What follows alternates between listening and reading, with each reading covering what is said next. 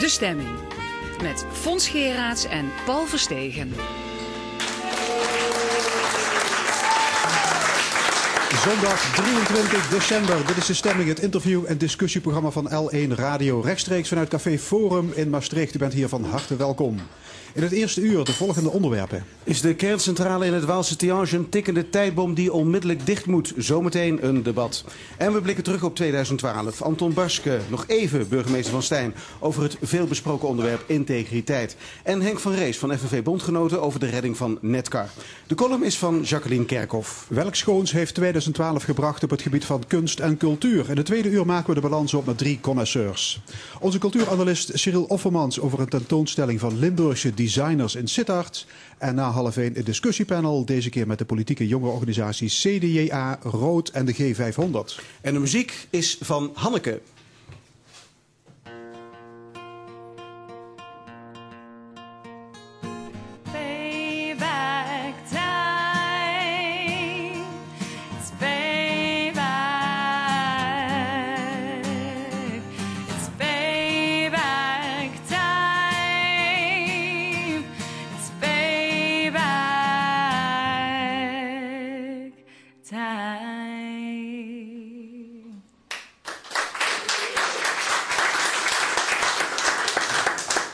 Ten zuiden van Luik ligt de kerncentrale Tiange. Die ligt sinds de zomer stil. Tijdens onderhoudswerkzaamheden werden haarscheurtjes ontdekt... met als gevolg lekkage van radioactief besmet water. GroenLinks spreekt van een tikkende tijdbom... en vindt dat de centrale onmiddellijk dicht moet. Want de veiligheid van vele burgers is in gevaar. De partij heeft op 12 januari een demonstratie aangekondigd in Maastricht. Moet Tiange direct sluiten? We gaan erover discussiëren met de statenleden, statenleden Gert-Jan Krabbedam van GroenLinks en Perry van der Steen van de VVD. Heren, goedemorgen. Meneer Krabbedam, waarom is Tihange een tikkende tijdbom? Heel simpel. Het is een eh, stokoude kerncentrale waar er allerlei gebreken aan zijn. Die een zeer slecht rapport heeft gekregen bij de laatste stresstest. Ehm, dat leidt tot allerlei gevaren. Ehm, potentiële gevaren met, eh, met mogelijk eh, grote gevolgen voor deze regio. Ja, ja, een tikkende tijdbom, die ontploft Ja. vroeg of laat. Ja, dat lijkt ons wel. Ja. Althans, dat, daar vrezen we voor. En het ergste is nog dat we daar niet op voorbereid zijn. Daar zijn geen plannen voor in deze regio. En dat is gevaarlijk. Ja, de centrale bestaat uit drie reactoren, als ik het goed heb. En die hebben voortdurend problemen. Voortdurend. Bijna, bijna iedere week is er wel iets aan de hand. Eh, en er komt ook van alles naar buiten wat al jarenlang aan de hand is. En dan vraag je ook af wat valt er allemaal nog onder de pet gehouden. Ehm, daar maken we ons ernstig zorgen over. Ja, ik heb begrepen dat die centrale eh, al is afgeschreven. Die zou 30 jaar draaien. Dat is nu al 37 jaar. Is sluiting nog niet aangekondigd? Nee, ja, de sluiting is wel aangekondigd, maar eh, de- duur is net met 10 jaar verlengd voor de oudste, oudste eh, reactor. De oudste reactor had eigenlijk in 2015 gesloten zullen worden, volgens een besluit in 2003. Maar afgelopen jaar heeft de Belgische overheid besloten om die reactor, de oudste reactor, notabene 10 jaar langer open te houden. Oké, Perry van der Steen, eh, energiedeskundige van de VVD-fractie in Provinciale Staten. Ja. als ik GroenLinks mag geloven, moet die kerncentrale ja, liever vandaag dan morgen dicht. Ja, als we GroenLinks eh, mogen geloven wel. Ehm, Maar u gelooft ze niet. eh, nee, nee, anders zouden we hier niet zitten. Nee, eh, de- deze kerncentrale is... eh, de opening eh, van een van die reactoren is inderdaad met 10 jaar verlengd. Eh, dat heeft niks te maken met de technische levensduur. Die technische levensduur die, die is gewoon veel langer dan zoals die nu open als die, eh, zou worden ges- gesloten. Nee, dat is gewoon zonde. Hij is oorspronkelijk Die is, gebouwd voor 20 jaar. Hij is gebouwd voor 20 jaar. Precies, met dat de is gedachte de om 20 jaar technische open te levensduur. houden. Nee, dat is niet de technische levensduur. Dat, dat is de economische levensduur zou dat zijn. Of in ieder geval de levensduur die politiek bepaald is. Nou, technisch kan die gewoon veel langer mee. Er zijn centrales, eh, ook hier in Nederland, die zijn al veel ouder en die ook langer open blijven zijn. Ehm, Nou, Nou, maar Krabbedam, dan- zegt, er is Ja. sprake van een tikkende tijdbom. Levensgevaarlijk. Nou, eh, deze centrale heeft inderdaad heel wat opmerkingen gekregen uit eh, inderdaad een stresstest. Nou, die centrale ligt op dit moment ook gewoon stil. Nee, één reactor ligt stil. En dat heeft een belangrijke reden, namelijk het feit dat er 2400 haarscheurtjes zijn gevonden in het reactorvat. Daar is wel wat mee aan de hand. Het is niet voor is- niets dat die reactor stil ligt. Precies. Maar het is niet zo dat de hele centrale stil ligt. Er zijn nog twee reactoren die draaien en daar is ook van alles mee mis. Daar, eh, dat eh, durf ik zo niet te zeggen. Maar eh, inderdaad, die haarscheurtjes, daarom, die reactor die ligt op dit moment stil. Er wordt gekeken naar wat kan er gebeuren met die haarscheuren. Wat moet eraan gebeuren? Wat, wat moet er, eh, en dan hebben we daarnaast het tweede probleem van een andere reactor. Met het lekkende wa- water. Er wordt eh, Vindt twee u liter dat- water per Vindt u dat GroenLinks de gevaren van Tihange schromelijk overdrijft? Ik vind dat dat inderdaad overdreven is, ja. Op dit moment is er gewoon voor buiten de centrale zijn er geen gevaren. Dat water wat zou lekken, dat blijft nog altijd binnen de centrale. Dat komt niet in het milieu terecht. En dan moet je gaan denken, als deze reactor sluit, dus vijf- ruim 25% van de Belgische energiebehoefte komt uit deze centrale. Dat kan op geen andere, enkele andere manier op dit moment opgevangen worden. Dus wat Nee, zijn dan de alternatieven? Kolencentrale? nou, wat heb je dan liever? Eh, CO2 in de lucht? Nee, Perry, dat is echt de grootste, de eh, onzin is dat. Er zijn allerlei alternatieven voor duurzame eh, energieopwekking. Alleen de politieke wil ontbreekt. En de politieke wil heeft ook in België ontbroken. Want in 2003 hebben ze besloten om dit te gaan doen. Om dus die oudste, oudste reactor al in 2015 te sluiten. Dus nu tien jaar lang open moet blijven. Maar en ze hebben in de waarom ontbreekt die hebben ze, politieke wil? ze hebben in de Welke tussentijd reden ligt erachter? hebben ze er niets aan gedaan. Er niets aan gedaan om te zorgen dat ze voor alternatieven kregen. Terwijl die alternatieven er wel zijn. En waarom ontbreekt die politieke wil, kan ik je vertellen. Een kern- en kerncentrale brengt gewoon een, een, een eh, elektriciteitsbedrijf enorm veel geld op. Dus er is gewoon een winstgevend... Is- een winstgevend, nou, mooi het is voor. Electrabel win- winstgevend. Of het in algemene zin... Ja. Precies, of het in algemene zin winstgevend is, even terug naar de centrale. De kritiek is dat GroenLinks zich eh, schuldig maakt aan onnodige paniekzaaierij. En dat jullie een slaatje willen slaan uit, uit die angst voor Tihange. Wat vindt u daarvan? Ik vind het de grootst mogelijke onzin die bestaat. Eh, het- laten we wel wezen, op het moment dat er iets misgaat in Tihan... zal iedereen zeggen, achteraf gezien, hoe heeft het allemaal kunnen gebeuren?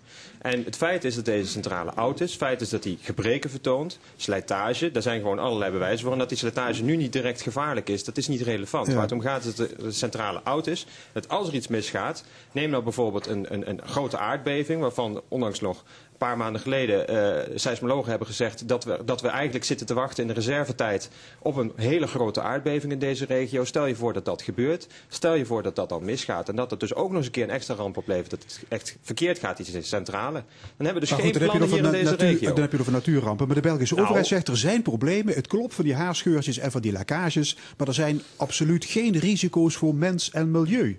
Gelooft, Nee, gelooft u de Belgische overheid niet? Eh, daarop geloof ik ze wel in die zin dat als er koelwater lekt, althans laten we het zo zeggen, er is een bepaald bassin waarin, waarin de splijtstofstaven neergelegd worden ter afkoeling en dat bassin lekt. Dat eh, water dat gaat niet de centrale uit en niet de Maas in, dat daar niet direct gevaar mee is, daar geloof ik de Belgische overheid wel op. Waar het mij om gaat is dat er allerlei gebreken zijn, dat die naar buiten toe komen, dat het blijkt dat er al zes jaar lekt en dat het dus zes jaar onder de pet is gehouden. En dat ik me dan afvraag, wat is er dan nog meer mis met die centrale? Daarbovenop geteld de stresstest, waaruit blijkt dat die centrale maar tegen aardbevingen en overstromingen die eens in de 300 jaar voorkomen maar eh, daartegen kan. Dus stel je voor dat dat gebeurt, en nogmaals, seismologen hebben dat voorspeld dat dat ieder moment zou kunnen gebeuren nu, dan kan het dus niet alleen een grote ramp zijn met een aardbeving, zoals enkele jaren geleden in Italië, dat is al een ramp aan zich, maar dan kan het nog eens een keer die extra ramp opleveren van die centrale waar alles misgaat. En dan is ook de bevolking van Limburg Ja, behoorlijk de klos. Natuurlijk, want de wind komt meestal uit, eh, voor, voor Zuid-Limburg komt meestal uit Luik, via het Maasdal. Dan zijn wij als eerste de klos. We Dan zijn maar op kun je 40 spreken van een soort kilometer Limbo, van die Limboshima wordt het dan. Limboshima of Fukushima aan de Maas. En wat moet je dan doen? Ra- ramen dicht en jodiumpillen slikken en L1 eh, opzetten? Nou ja, L1 opzetten zou ik sowieso doen natuurlijk. Ehm, maar nou ja, dat is dus de vraag. Op dit moment zijn er dus geen plannen. De Rijksoverheid heeft geen plannen voor evacuatie, voor eh, jodiumpillen uitdelen en voor, eh, voor schuilen voor Zuid-Limburg. Dus er ligt geen draaiboek klaar voor het geval het misgaat in die Nee, jongens. precies. En dat is eigenlijk misschien nog wel der grootste wat vindt u daarvan, VVD? Nou, dat is inderdaad een heel ander punt. Ehm, dat er een draaiboek klaar moet liggen, ja. De VVD staat gewoon heel duidelijk voor veiligheid. Dus wij vinden ook dat er moet een draaiboek klaar liggen. Nou, als we die jodiumpillen, als we die hier in Limburg kunnen ergens eh, opslaan, fijn. Maar dat staat inderdaad, eh, dat is iets onafhankelijks. Dat moet, je, moet er gewoon altijd zijn. Als er een kerncentrale is, of die kerncentrale Maar nou... als er een, eh, als er een gevaar- kerncentrale explodeert, dan heb je, dan heb je aan een jodiumpilletje niet veel, ben ik bang. Klopt, maar hoe die, die kerncentrale in Tihange, daar, die gevaren, die zijn gewoon niet vergelijkbaar met zoals in eh Tsjernobyl is gebeurd of in Fukushima. Hier speelt een heel ander verhaal. Dit is gewoon inderdaad wat kleinere problemen die er zijn, die opgelost moeten worden. Als er inderdaad grote problemen waren, dan- was die centrale al lang gesloten. Nou, laten we het zo zeggen. Dat hebben ze in, eh, in, in Japan al die jaren ook gezegd. Japan is een modern westers land waarin eh, dezelfde maatstaven gehanteerd worden als hier. Ook daar dacht Maar men, Japan kan niet zijn gebeuren. andere gevaren. Eh. Zo'n tyfoon zoals daar die kan hier niet kan ook hier voorkomen. Ik woon in Itter en het eerste wat men Ja. tegen mij zei was... Goh, ben je niet bang voor overstromingen? Natuurlijk. En, en, eh, eh, ehm, is ook aan de rivier gelegen, pal aan de rivier. Dus als er een overstroming komt, dan is het daar ook feest. Maar die overstroming in combinatie met een aardbeving, zoals in Japan is gebeurd, dat is niet realistisch om hier in Limburg te gebeuren. Of in, Nou ja, volgens mij heb De ik net kans op een aangehaald tsunami dat- in Limburg is, is betrekkelijk klein. Het tsunami Precies. niet, maar een overstroming wel en een aardbeving ook. Dat, dat blijkt gewoon omdat ook seismologen dat ook zeggen. Dat we in reservetijd zitten voor een hele grote aardbeving. Dat dat zomaar ieder moment zou kunnen gebeuren. Dus het is niet ondenkbaar. En dus moet je plannen maken. Want stel je voor, hè, misschien... eh, Waar er eh, is Perry, in de zelf... Ardennen de laatste keer een aardbeving geweest eh, op de schaal van Richter van, wat- wat was het, eh, boven de 6,5. Wat zeg je? Sorry? Een aardbeving op de schaal van Richter van boven de 6,5. Ja, daar Fantastisch. seismologen het over. Over 7, 7.0. Ja. Dat is dus een flinke aardbeving. Dat is aan zich al een ramp op zich. Maar als het dan ook nog eens een keer eh, in die centrale misgaat, dan heb je dus echt de poppen aan het dansen. Stel je voor, je hebt zelf nog Maar geen kinderen. is je hebt zelf nog geen kinderen in de, school, in de schoolgaande leeftijd. Ik weet, eh, Fons bijvoorbeeld wel. Eh, een van zijn kinderen zit al op de basisschool. Stel je voor, wat, Fons, wat ga je dan doen op het moment dat dat gebeurt? Dan ga je natuurlijk meteen naar die school toe. Maar er zijn geen enkele plannen daarvoor. Hè? Dus, dus iedereen gaat dan zijn kinderen van school afhalen. Wordt de grootste mogelijke chaos wordt dat. De stel- snelwegen lopen vol. Daar hebben we dus allemaal geen plannen voor. Hè? En ik heb van Lisbeth van Tongeren, de GroenLinks Kamerlid, gehoord. Zij heeft gesproken met eh, de hulpdiensten bij, eh, bij Borselen. Wat hier dat, niet, de eh, hulpdiensten, dat de hulpdiensten zelf zeggen, op het moment dat er iets gebeurt, wij houden ons hart vast. We gaan eerst onze eigen familie in, in veiligheid brengen dan dat we ons werk gaan doen. Ja, nu, Nou, nu daar zegt, gaan mij maar nu zegt even, dat- dat heeft niks met heren, de- herenorde. De, de eigenaar van Tihange, Electrabel, zei vorige week... de grote beurt is, is klaar.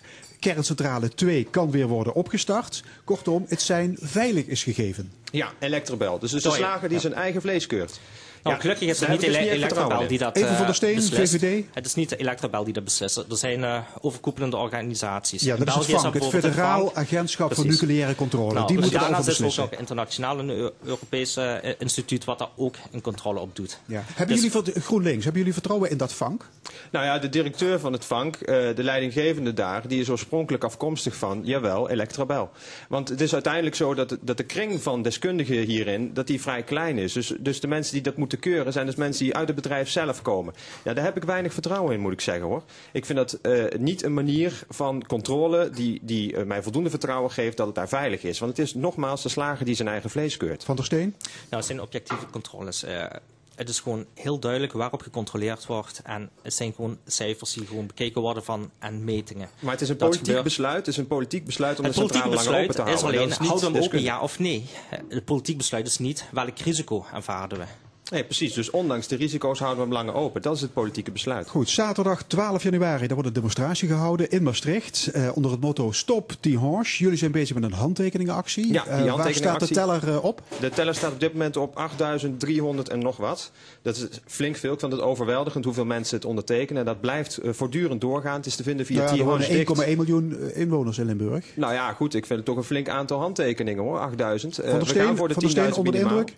Nee, absoluut niet. Nou ja, nee, nee, eh, het zijn eh, inderdaad eh, waarschijnlijk gewoon de GroenLinks-stemmers die hebben getekend. Nee. Hebben jullie zoveel. GroenLinks-stemmers? Nou, dat, dat, ja, die hebben we. Absoluut. Absoluut.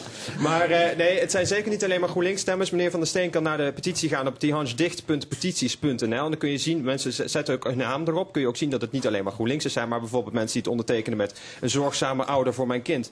Ja, eh, dat zijn niet alleen maar GroenLinks, zeker niet. En eh, we gaan zeker hopelijk eh, de 10.000 halen. En dat is een heel mooi aantal om, eh, want daar kunnen we zelfs een, eh, eventueel een, een, eh, een, ehm, eh, burgerinitiatief voor de Tweede Kamer mee starten. Oké, Gert-Jan Krabbe dan van GroenLinks en Perry van der Steen van de VVD. Allebei lid van Provinciale Staten. Hartelijk dank voor dit debat. Haar eerste cd verwacht ze komend voorjaar te presenteren. Een voorproefje hiervan hoort u vandaag in de stemming. Liedjeschrijver, zangeres Hanneke Gudde is onze muzikale gast vandaag. Ze wordt begeleid op gitaar door Jan van Halewijn. We gaan luisteren naar Payback Time.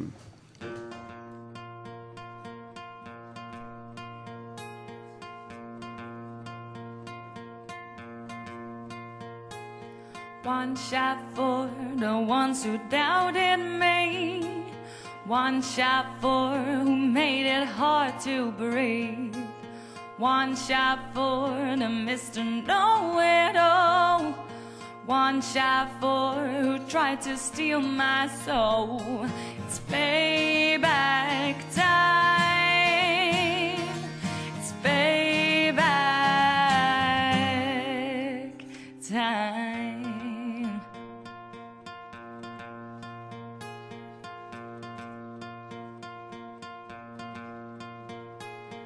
One shot for the boundaries that arise. One shot for the things I've sacrificed.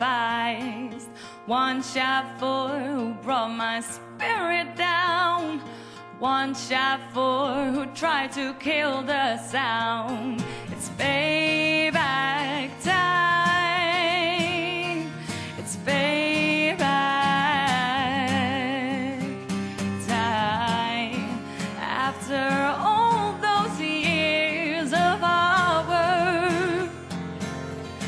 Guess I needed the time in total freedom.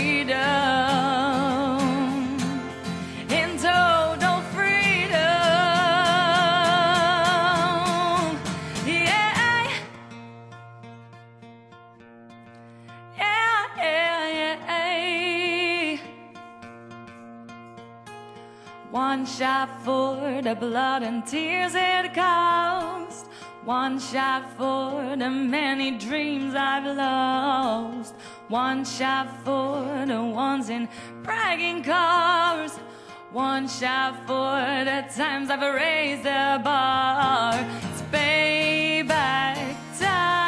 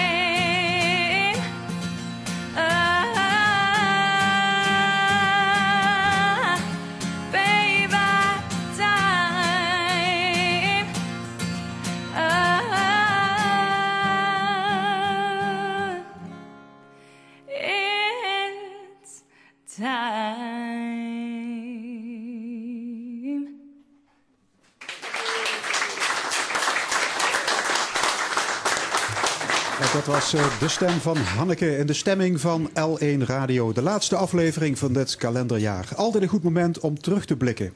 Op politiek gebied gaat 2012 niet de boeken in als een kalm en rimpeloos jaar. Integendeel, het was een en al turbulentie.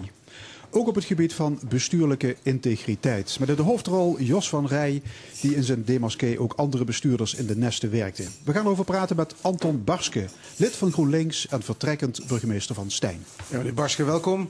Om te beginnen met, met uw vertrek uit Stijn. Eh, in de krant gaf u aan te vertrekken voordat de sleet erin komt. U gaat naar Gorkum, maar u wil voorkomen... eh, u, doet die stap omdat u juist wil dat, dat er vaart blijft in uw carrière. Zeg ik dat goed?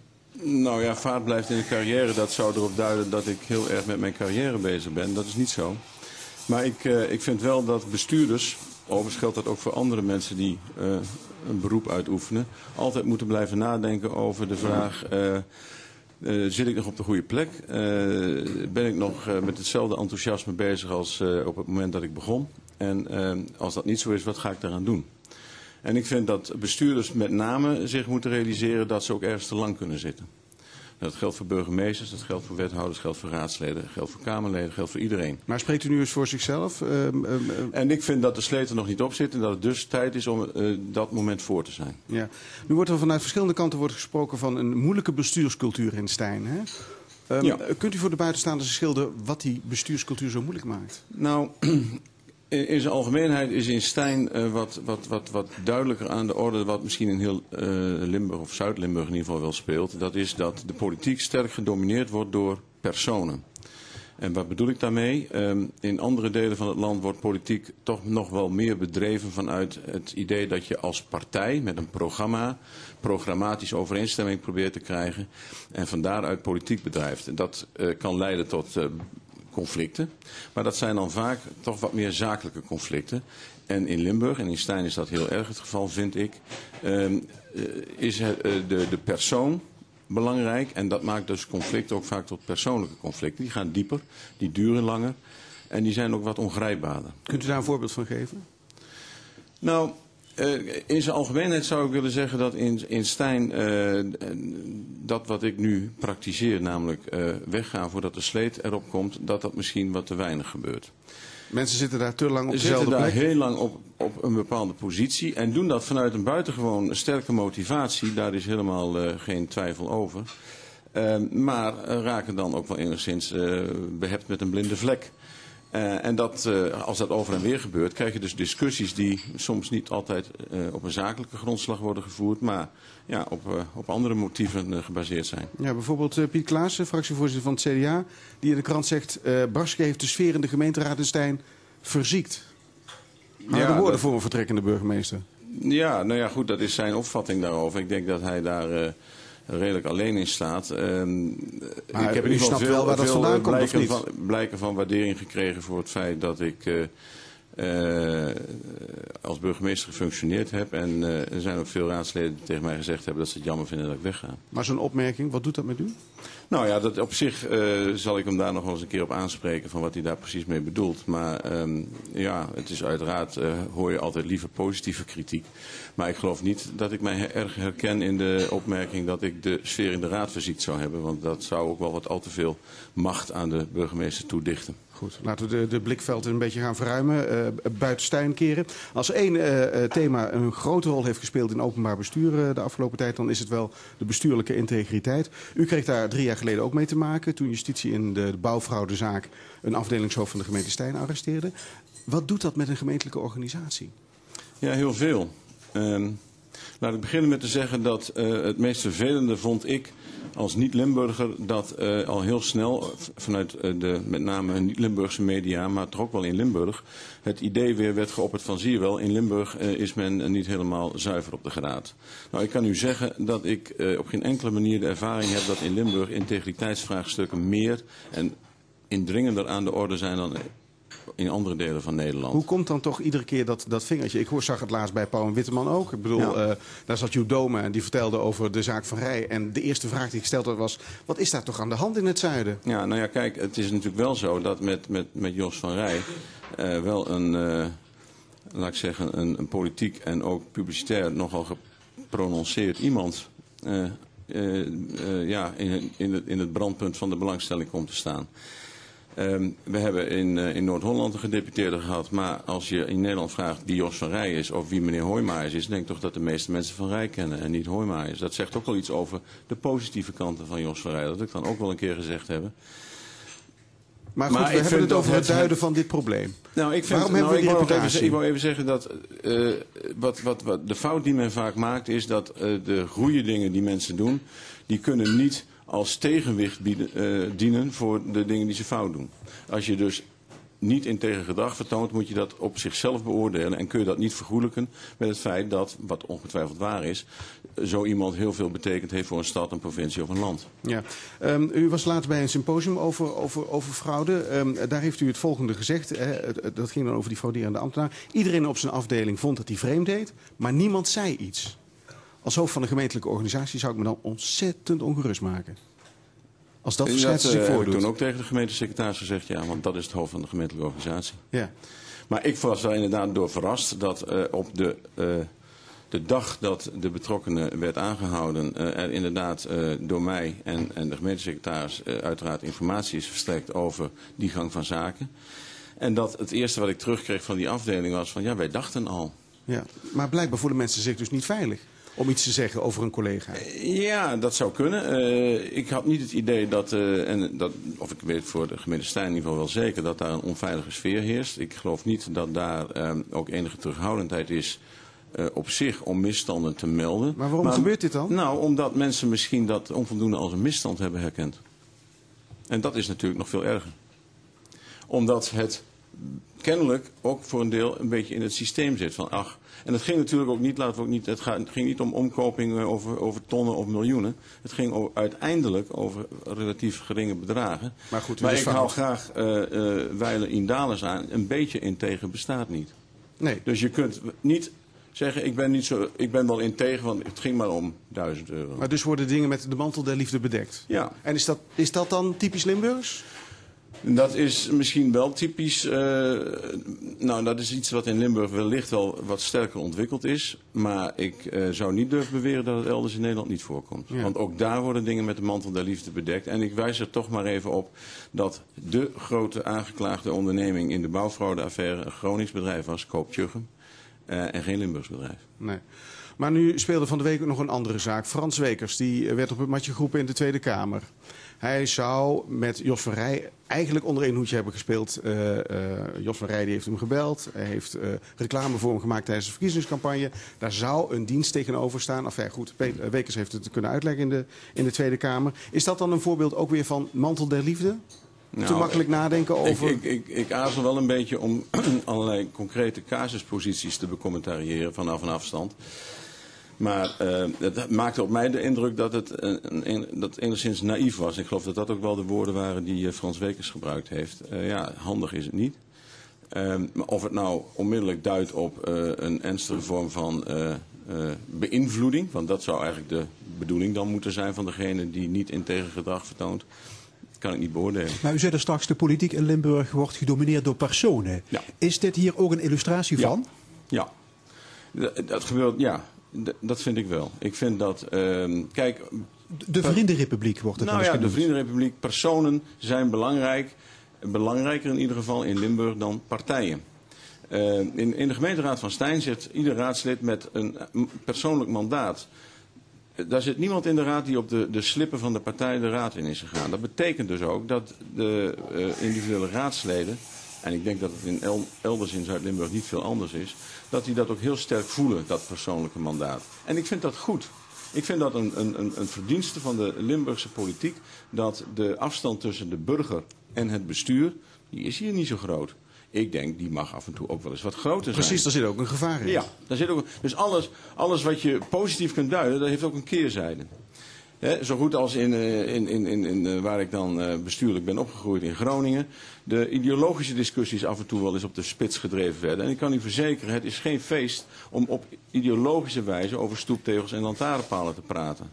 De keerzijde van niet zo erg op de, nou ja, de persoonlijke toer gaan is dat je dus heel erg overdreven, scherpe ideologische discussies krijgt. En dus op gemeentelijk niveau, waar de, het bestuur dicht bij de burger hoort te zijn, politiek met een grote P wordt bedreven. Nou, Ja. Ook dat is geen feest. Dus het is niet zwart-wit. Maar het gevaar van het in beginsel positieve van Limburg, dat de politiek persoonlijk is, is wel dat het kan verkeren in het tegendeel. Ander onderwerp, ehm, GroenLinks, uw partij. eh, daar gaat het op dit moment niet erg goed mee, hè? Nee, nou ja, als ik de discussies van net eh, hoor, dan denk ik dat we weer op de weg terug zijn. Nou ja, als je afgelopen weekend eh, het eh, artikel las van eh Jolande Sap, het interview met haar in de Volkskrant, vorige week het interview met Tof Tissen, ook in de Volkskrant, daar wordt toch een beeld geschetst van een zeer verdeelde partij. Ja, nee, kijk, ik geloof niet dat het recht zou doen aan de waarheid als ik hier zou vertellen dat er geen problemen zijn in GroenLinks. Die zijn er. en ik denk dat het sterke van GroenLinks is dat wij eh, een partij zijn die in staat is om via een eh catharsis, een zuivering, intern eh, ook weer tot nieuwe inzichten en nieuwe vergezichten te komen. Hoe, hoe, gaat dat eruit zien? Ja, dat is een pijnlijk proces, dat kan ik u verzekeren. Want als ik die interviews eens even op mij in laat werken... en ik denk aan de mensen die daarachter zitten... dan denk ik van nou, dat is niet niks, dat doet wat met de mensen. En dat is ook goed. Want mensen mogen best zien dat politiek niet iets is van technocraten... die eh, nou ja, eh, verstand hebben van een aantal zaken... en op een wat afstandelijke manier het land of de gemeente of de provincie besturen. Maar dat het mensenwerk is.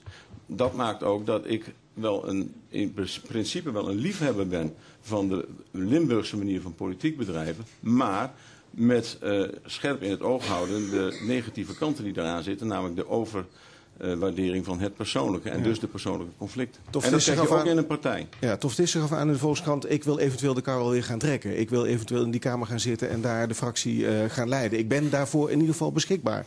Is dat een goede zet van hem gezien alles wat er nu gebeurd is? Nou ja, laat ik zo zeggen. ehm, ehm, ik denk dat het goed zou zijn eh, dat er inderdaad nieuw elan komt in, eh, in een Kamerfractie. Maar ik wijs er wel op dat we, en dat hoop ik oprecht, voorlopig geen verkiezingen hebben. Want daar worden de mensen ook doodmoe van. Goed. Meneer Barske, mag ik u hartelijk danken voor komst naar de stemming. En veel succes in Gorkum. Dank u zeer. We gaan uh, weer luisteren naar Hanneke, een popzangeres uit Brabant. Ze wordt op gitaar begeleid door Jan van Halewijn. Dit is het liedje Stronger One.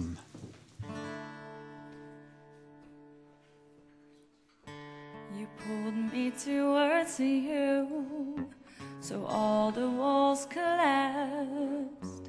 The ones I built so carefully to keep me from this enemy. Who chose the perfect night, destroyed me from inside. But I ignored your strategy and shut the door so I could see again. Breathe again. Breathe.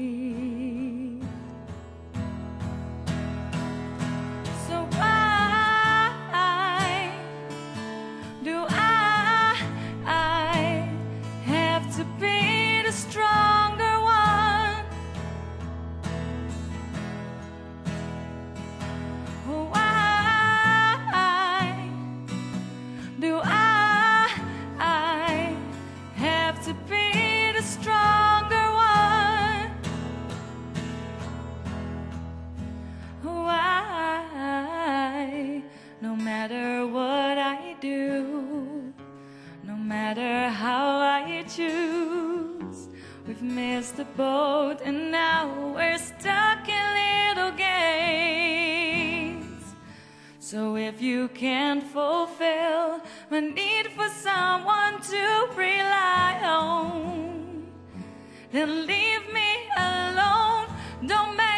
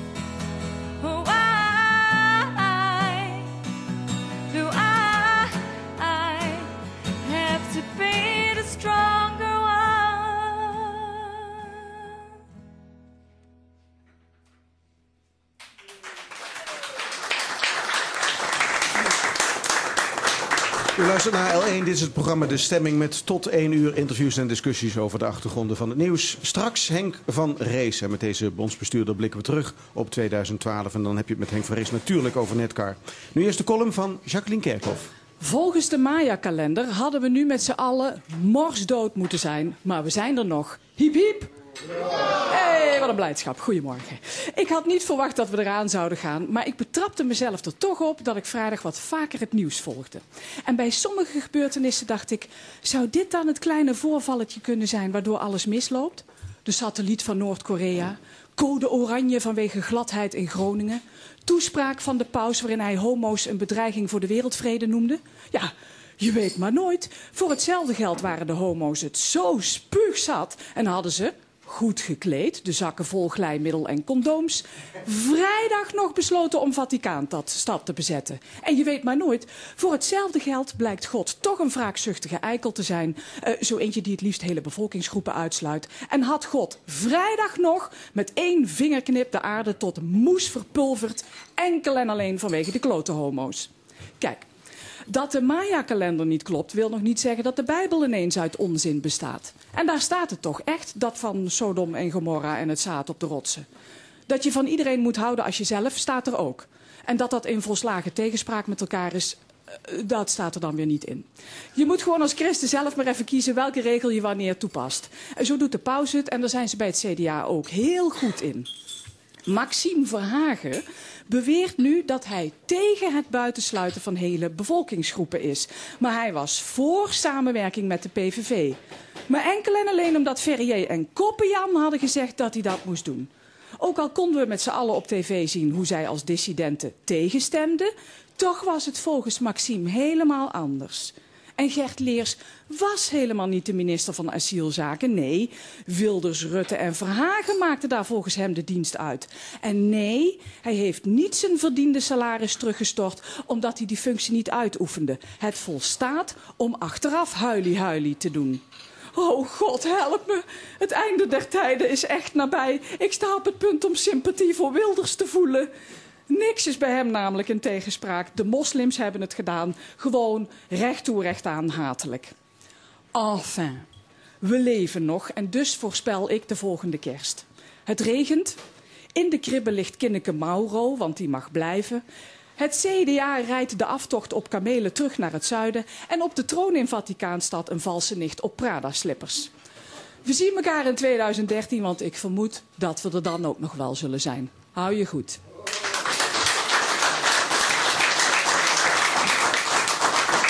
De column van Jacqueline Kerkhoff. 2012 was natuurlijk ook het jaar van de crisis. Van de enorme bezuinigingen en de oplopende werkloosheid. Belangrijkste sociaal-economisch nieuws in Limburg was de miraculeuze redding van autofabriek Netcar in Born.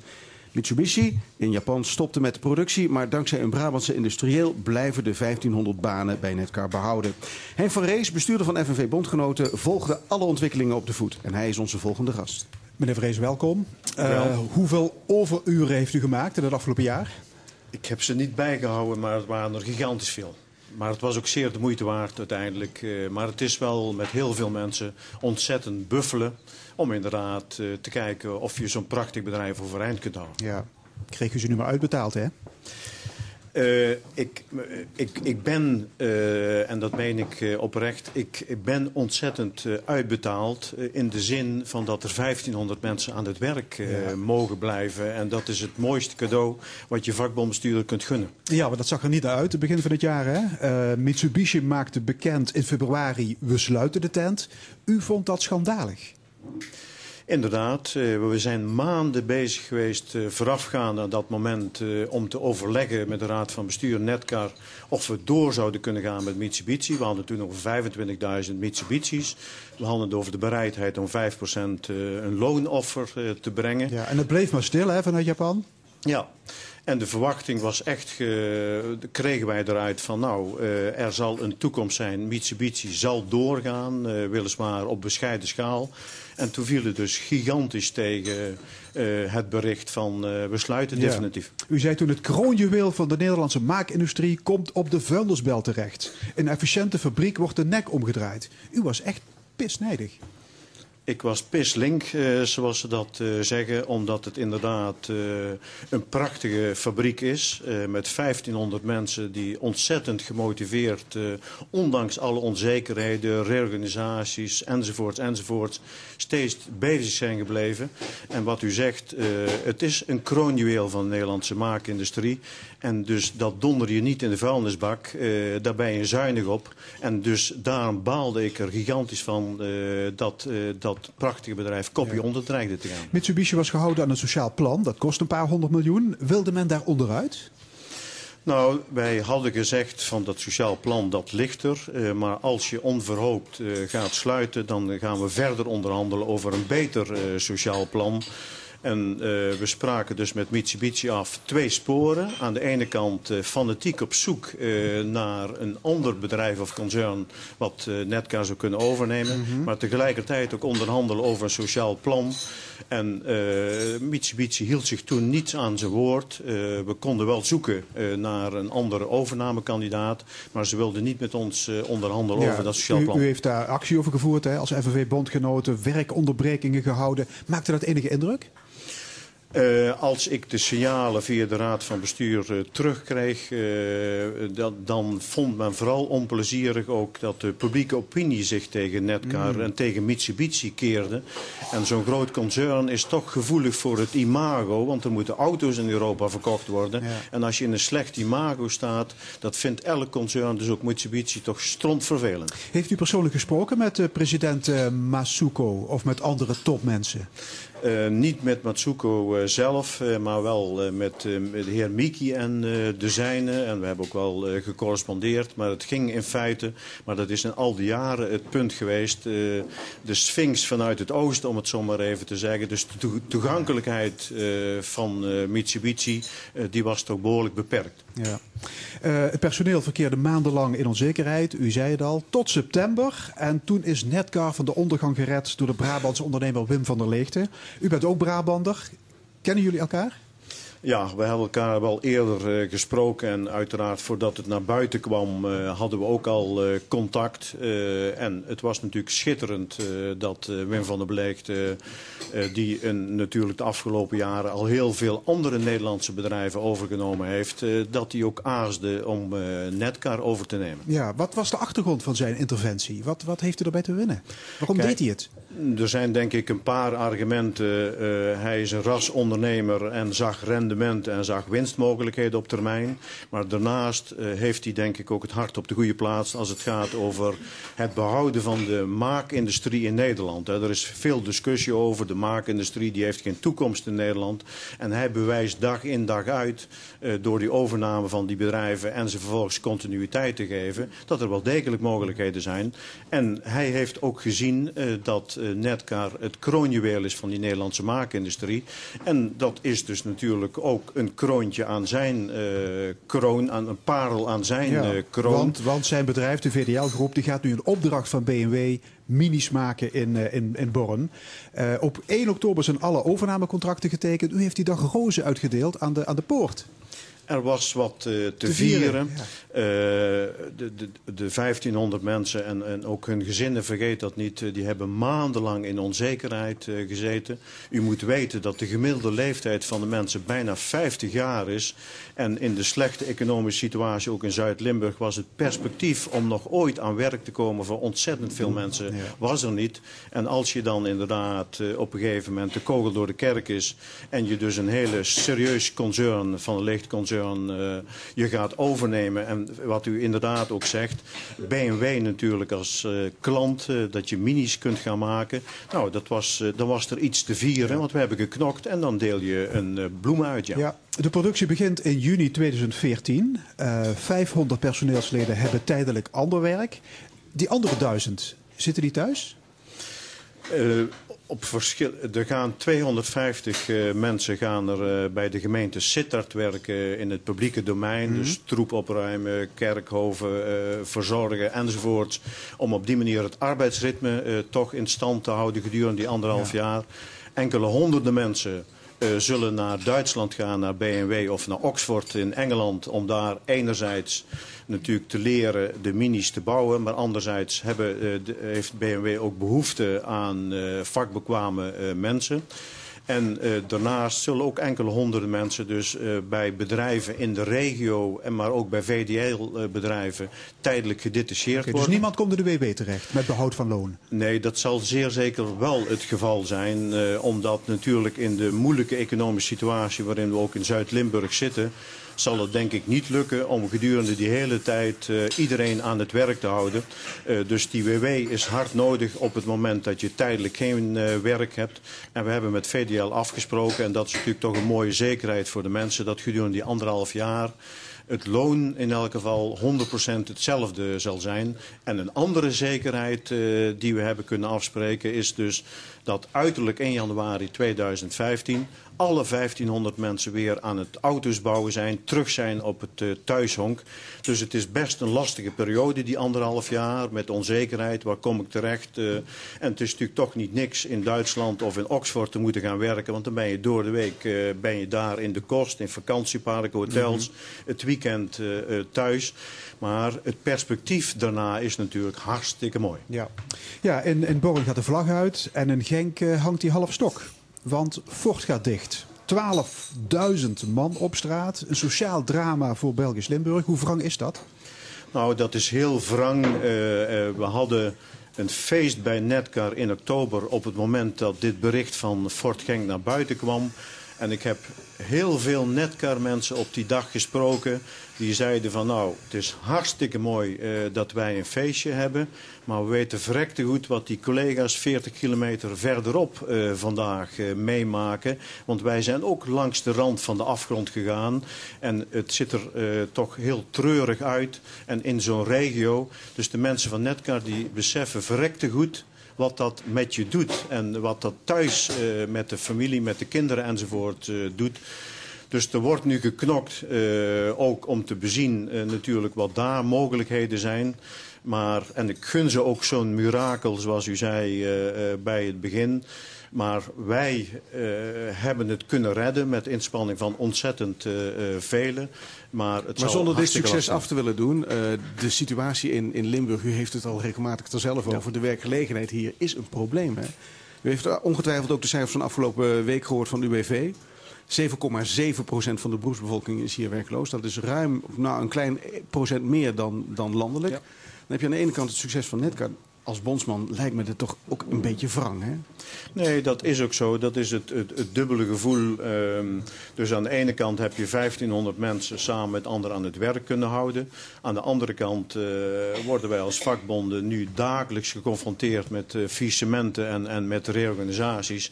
En jammer genoeg uh, kun je dus een aantal reorganisaties niet tegenhouden. En moet je je concentreren op het uitonderhandelen van een sociaal plan om de sociale gevolgen op te vangen. Ja. Maar, maar ik hou mijn hart vast voor volgend jaar. Ja, critici zeggen bijvoorbeeld over, over Rutte... er moet veel meer visie komen op hoe die werkgelegenheid moet uh, worden aangepakt. Er zou een soort plan moeten komen. Hoe zou dat plan eruit moeten zien voor Limburg wat u betreft? Nou, ik denk dat uh, in elk geval uh, ook uh, vanuit de overheden, de woningbouwcorporaties, de gemeenten, de provincies, dat er meer geïnvesteerd zal moeten worden. Want je ziet in ons omliggende landen dat wel gebeuren. Zodat die bouwsector inderdaad, dat er meer gebouwd gaat worden, dat er meer onderhoud gepleegd gaat worden. Want aan die sector hangen een heleboel andere sectoren. De, de winkeliers die meubels verkopen de timmerlie, de, de mensen, de stratenmakers. Dus er zit een hele sect, de betonfabrieken zitten u, daar vast. U heeft het weer over de maakindustrie. Ik hoor hier vooral de provinciebestuurders het hebben over high-tech. Dat moet naar Limburg komen. Daarmee gaan we de oorlog winnen. Is dat zo? Ik denk dat dat een heel belangrijk uh, spoor is. Daar geloof ik ook heilig in. En, en als FV-bondgenoten hebben we daar een steentje ook aan, bijgedragen. Maar je moet niet op uh, één paard wedden. Je zult uh, minstens een paar paarden in de wedstrijd moeten hebben. Dus ik denk ook dat je dus in combinatie met die aandacht voor topregio's en innovatie... dat je ook de maakindustrie inderdaad, en die bouw is daar op dit moment natuurlijk een belangrijke sector in... dat je dat aan moet jagen en, en, en moet stimuleren. Uh, dat is denk ik een hele uh, belangrijke op dit moment. Uh, dat je moet de kosten gaan op dit moment voor de baat. Niet alleen bezuinigen, er zal bezuinigd moeten worden. Aan de andere kant zul je ook moeten investeren als aanjager... zodat die werkeloosheid op termijn inderdaad aangepakt gaat worden. En de stem van de bonden in dit soort projecten, is die even groot? De stemming in de bonden? De stem van de bonden. Nou, gelukkig is het zo dat het uh, tweede kabinet uh, Rutte de, de, hand uitgestoken heeft uh, naar de sociale partners, inclusief dus ons als vakbeweging. En onze eerste man, Ton Heerts... maar kijk ook... eens naar uw eigen organisatie, want die heeft nogal behoorlijke knauw gehad de afgelopen jaren. Hè? Nee, dat is ook zo. We hebben gewoon, daar moet ik ook eerlijk in zijn, we hebben gewoon een, een hartstikke lastig jaar achter de rug met grote interne verdeeldheid. Maar ik zie nu, en dat, dat zie ik ook doortrekken naar 2013, uh, dat we die eenheid aan het herstellen zijn. Uh, dat het kabinet ook zegt, vakbeweging, uh, heb ideeën, kom met plannen hoe we die werkeloosheid te lijf kunnen gaan. Dus daar moeten we ons op concentreren. En ik heb er ook wel hoop op, zeg maar, na dat zonder meer moeilijke jaar, dat we in 2013 meer weer gaan doen waar we als vakbeweging voor zijn. Namelijk maar die achterban van u, de mensen. Ja, ja, maar die achterban van u, die, uh, je ziet het zelfs uh, bij, bij acties aan de poort. Heel veel mensen zeggen, daar heb je ze weer. En er is weer een pamfletje en er komt weer actie. Het maakt geen indruk meer. Nou, dan mag ik u uitnodigen om eh, toch eens wat vaker met die acties mee te gaan. eh, want eh, werkgevers, als mensen in beweging komen, vakbeweging, als mensen in beweging komen, ook in deze moeilijke tijden, dan maakt dat indruk bij de werkgevers. Of je nu bij DSM bent, of bij Netcar, of bij een installatiebedrijf. Eh, als mensen in beweging komen omdat ze gepakt worden, om ze- omdat ze onrechtvaardig behandeld worden, dan maakt dat indruk en heeft die vakbeweging, als ze opkomt voor mensen, ook hier in het Limburgse, heeft die gewoon een hartstikke goede toekomst. Maar onlangs hebben de eh, FNV Jong en CNV Jongeren samen nog eh, de schouders gezet onder een opleiding voor jongeren. Voor het kader van, van, van, van, de, van, de, van de bonds, van, van, de, van de vakbonden. Ze hebben dat gedaan omdat ze zelf aangeven van ja, er komt helemaal geen initiatief van bovenaf. Dus eh, men is helemaal niet toekomstgericht aan het denken bij de bonden, denk ik dan.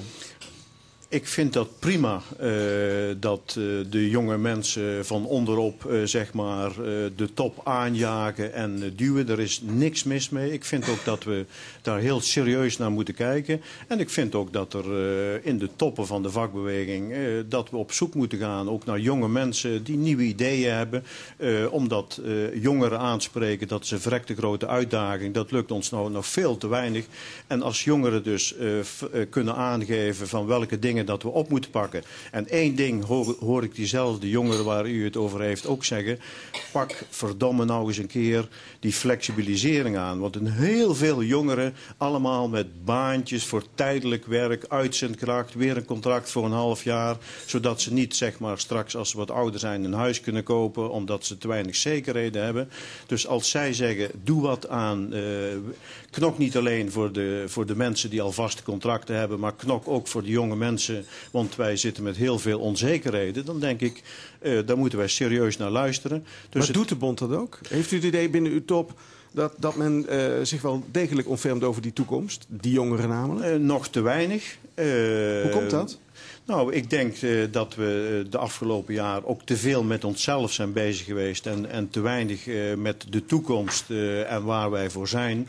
Nou, daar hebben we leergeld voor betaald. Dus kom op jongeren en ben kritisch. Want laat ons opgejaagd worden om inderdaad voor jong en oud in het komende jaar goed vakbondswerk te doen. Goed. Henk van Rees, bestuurder van FNV Bondgenoten. Hartelijk dank voor de komst naar de stemming. Graag gedaan.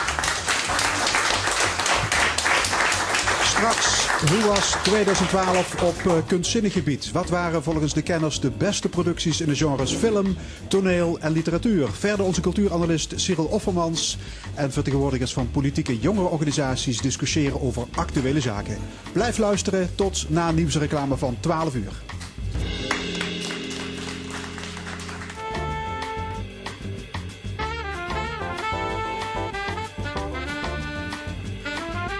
De stemming met Fons Geraerts en Paul Verstegen.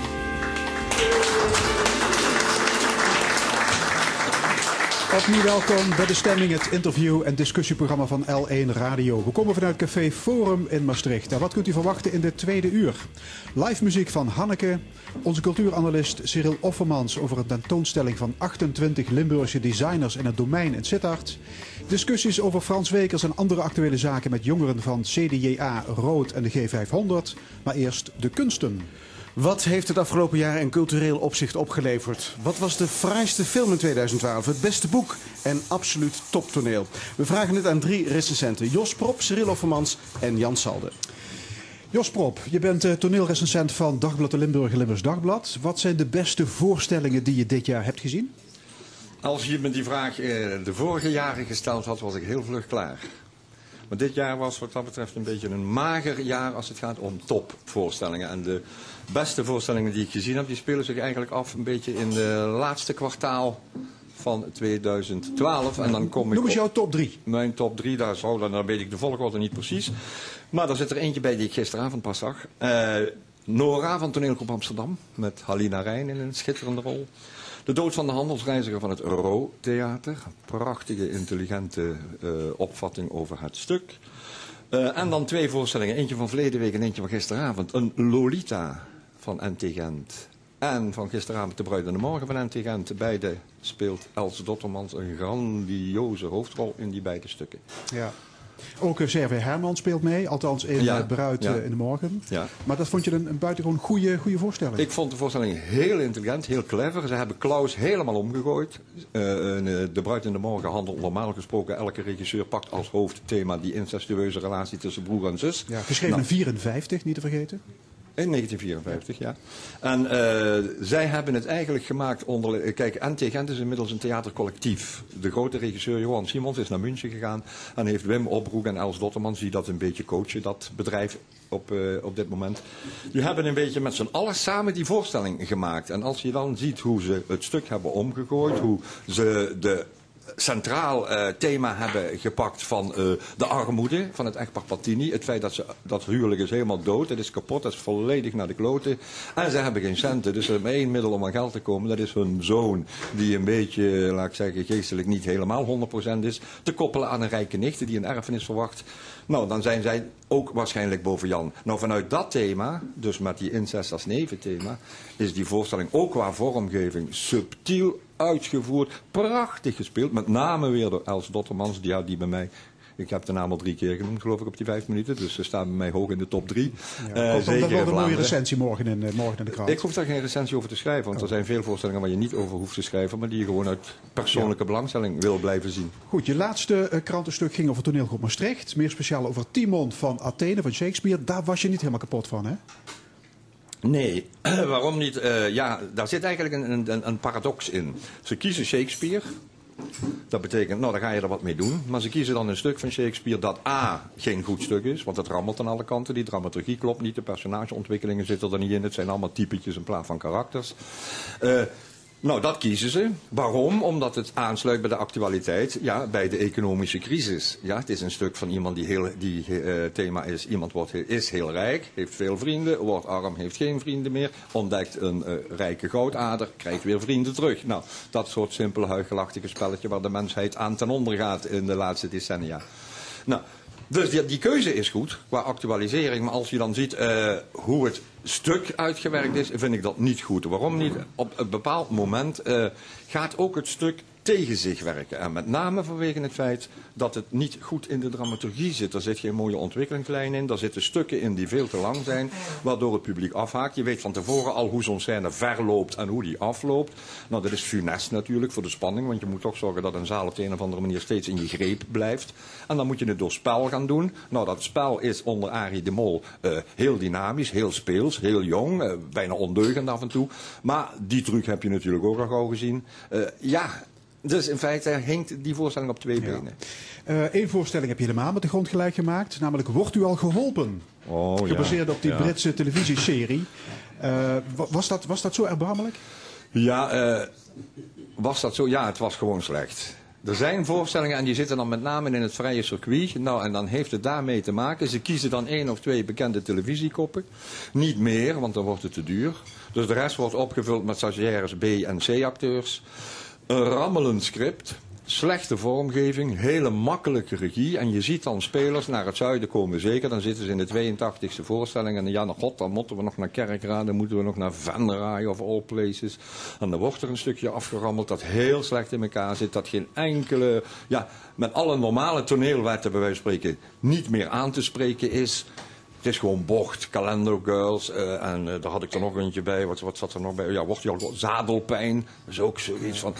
En wat zie je dan? Die tent die zit vol met vrouwen die zich geweldig amuseren. Dan ben ik blij dat ik als enige man een tegenstem Ja, mag jij, jij, horen. vindt, jij vindt de klucht misschien een minderwaardig genre. Nee, helemaal niet. Want de klucht is zelfs een van de moeilijkste genres. Een actrice of een acteur, ik denk dat je het iedereen kunt vragen... is het acteren van verdriet makkelijker dan het op timing spelen van humor. Goed, ander podiumkunsten nieuws van het afgelopen jaar. De opheffing van het Huis van Burgondië in Maastricht. Opgeheven wegens bezuinigingen. Heel Eh, jammer. ja, jammer. Heel jammer. Ja, ik heb het twintig jaar gevolgd en eh, ben- heb daar heel veel gezien. En wat daar mooi aan is, is dat, er hele, eh, ja, dat al die jonge mensen de kans krijgen. Ik zal één voorbeeld noemen. Dat is iemand die ik eh, diep in mijn hart draag. Dat is Eli Den Boer. Ja, een jongen die via het eh, Huis van Burgondië nationaal is doorgebroken. Die is een zestal zestal voorstellingen aan het maken, een cyclus van zes voorstellingen, over zijn Joodse identiteit.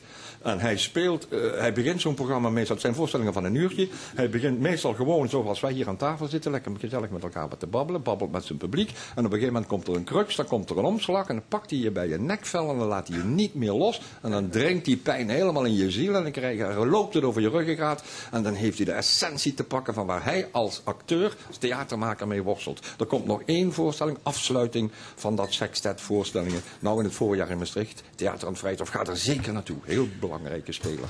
Een goede tip. Cyril Offermans, Hallo. onze cultuuranalist, zelf schrijver. Met jou gaan we even kijken naar wat 2012 qua literatuur heeft opgeleverd. Voordat ik dat met je ga doen, eh, wilde ik het even hebben over overleden schrijvers. Ja, dat is goed. Mensen die ons ontvallen zijn. Nou is de dood altijd onontkoombaar, maar waren er onder die schrijvers mensen waarvan je dacht... nee, nu niet? Nou ja, dat geldt eigenlijk voor iedereen. Ehm, er zijn schrijvers die een leven lang geopponeerd hebben tegen de dood, omdat ze de dood gewoon stomweg een onacceptabel feit vonden. Elias Canetti bijvoorbeeld. Maar goed, dat eh, leidt tot allerlei verhandelingen waar nu niet de ruimte en de tijd voor is. Ehm, maar bijvoorbeeld Komrij is natuurlijk veel te vroeg gestorven. Ik denk dat hij eh, misschien 67 was of iets dergelijks. Ehm, Klopt. Iedereen kent hem waarschijnlijk wel als dichter in elk geval. Anders wel als... De dichter eh, des vaderlands, hè? dichter des vaderlands en als eh, bloemlezer en dergelijke, polemist. Ehm, ik behoorde niet tot zijn uitgesproken bewonderaars, moet ik er meteen aan toevoegen. Ik vond hem eigenlijk te zeer geworteld in de 19e eeuw en daar ook zelden bovenuit gekomen. Eh, maar niettemin is hij natuurlijk een man met veel eh, capaciteiten en talenten en verdiensten voor de Nederlandse literatuur geweest. Wat ik zo raar vond bij Komrij was dat hij eind jaren 60, toen hij zeg maar begon... Ja. dat hij eh, ontzettend verguisd werd in die, in die periode. En dat hij Verguisd? later... Ja, er, er was veel kritiek en commentaar op hem. En later Nou. werd hij eigenlijk alleen maar gelouterd.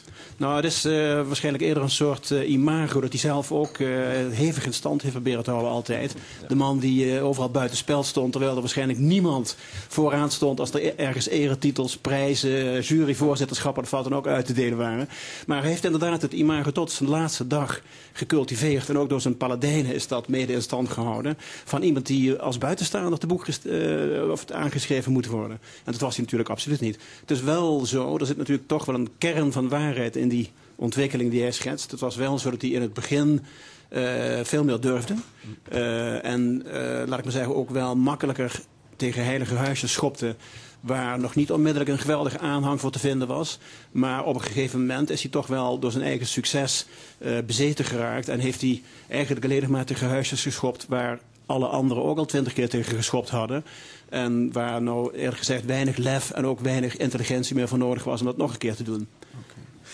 Ander iemand die ons ontvallen is, Bernlef. Ja, daar ben ik veel meer van. eh, daar was ik veel meer eh, van geschrokken, zeg maar. Ehm, ook omdat ik hem goed kende. Ehm, en, en natuurlijk ook omdat ik Bernhard een veel belangrijker schrijver vind. Ehm Komrij wortelt, zoals ik net zei, in de 19e eeuw. Bernhard is op en top 20e, misschien zelfs 21e eeuw. Eh, ook in die zin een heel groot verschil. Je zou, hem, je zou hem als een soort contrastfiguur van Komrij kunnen schilderen. Komrij is iemand van de opvallende kunstjes, de in het oog springende metaforen.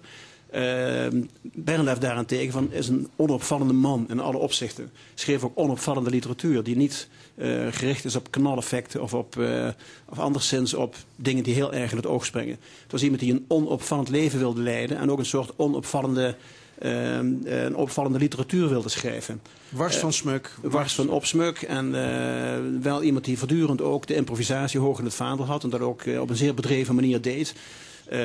Wat mij betreft vooral als dichter waarschijnlijk eh, in de toekomst blijvend. En dan zeker ook nog wel eh, met een aantal romans. Al, al heeft hij daar eh, wel wat erg veel van geschreven, denk ik. Er zijn er ook een hele hoop die de eeuwigheid zeker niet zullen halen. Maar toch een aantal ook weer wel. Hersenschimmen bijvoorbeeld. Ja, dat denk ik zeker, ja. ja.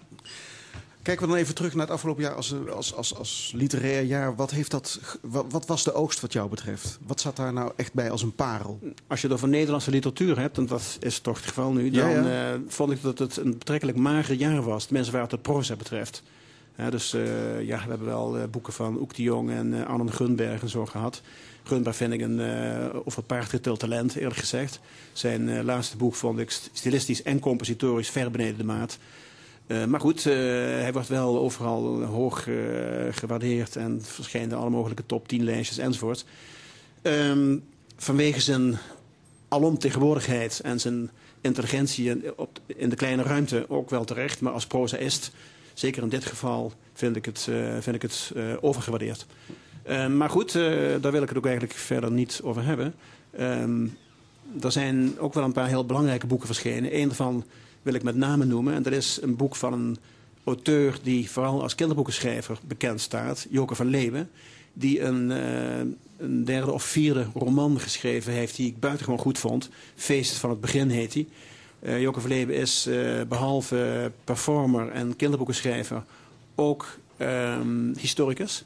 En ze heeft in dit geval voor het eerst gebruik gemaakt van haar historische kennis door een boek te schrijven dat speelt in de beginjaren van de Franse Revolutie. Feest van het begin betekent het optimisme, het laaiende enthousiasme dat in Parijs met name ontstond... naar aanleiding van de bestorming van de Bastille in 1789 en de eerstkomende tijd daarna.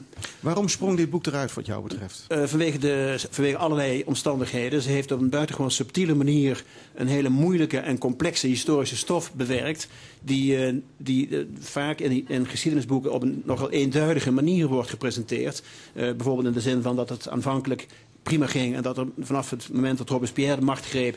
alleen nog maar een bloedbad was in Parijs. Zij heeft dat veel dubbelzinniger en veel subtieler aangepakt. Met veel, met veel uh, dreiging al meteen in het begin. Uh, en ook naar het eind toe blijft er toch altijd nog een soort optimistische onderstroom... via allerlei personages die niet tot de hoofdfiguren gerekend mogen worden... maar die wel die dubbelzinnigheid in stand houden. Ik vond het een buitengewoon mooi boek... dat ook van de lezer een voortdurende aandacht vraagt... maar daar wordt hij ook wel ruimschoots voor beloond. Als derde, ja, ik ga even door naar Jan Salde vanwege oh, de tijd. Oh, je, ja. je, mag, straks je eigen okay. rubriekje vullen. Okay. Uh, derde connoisseur aan tafel, Jan Salden, filmdocent en criticus. Jan, jouw top 5 van het afgelopen jaar. Nou ja, ik begin maar met een film die eigenlijk door de rest van Nederland compleet afgezeikt is. Uh, maar die mij wel raakte. Dus uh, dat is extreme, Extremely Loud and Incredibly Close uh, van Stephen Daldry. Nou, dat boek van Voer. de meeste mensen vonden dat een sentimentele draak. En uh, wanstaltig geacteerd door Tom Hanks en nog een aantal van die andere zaken.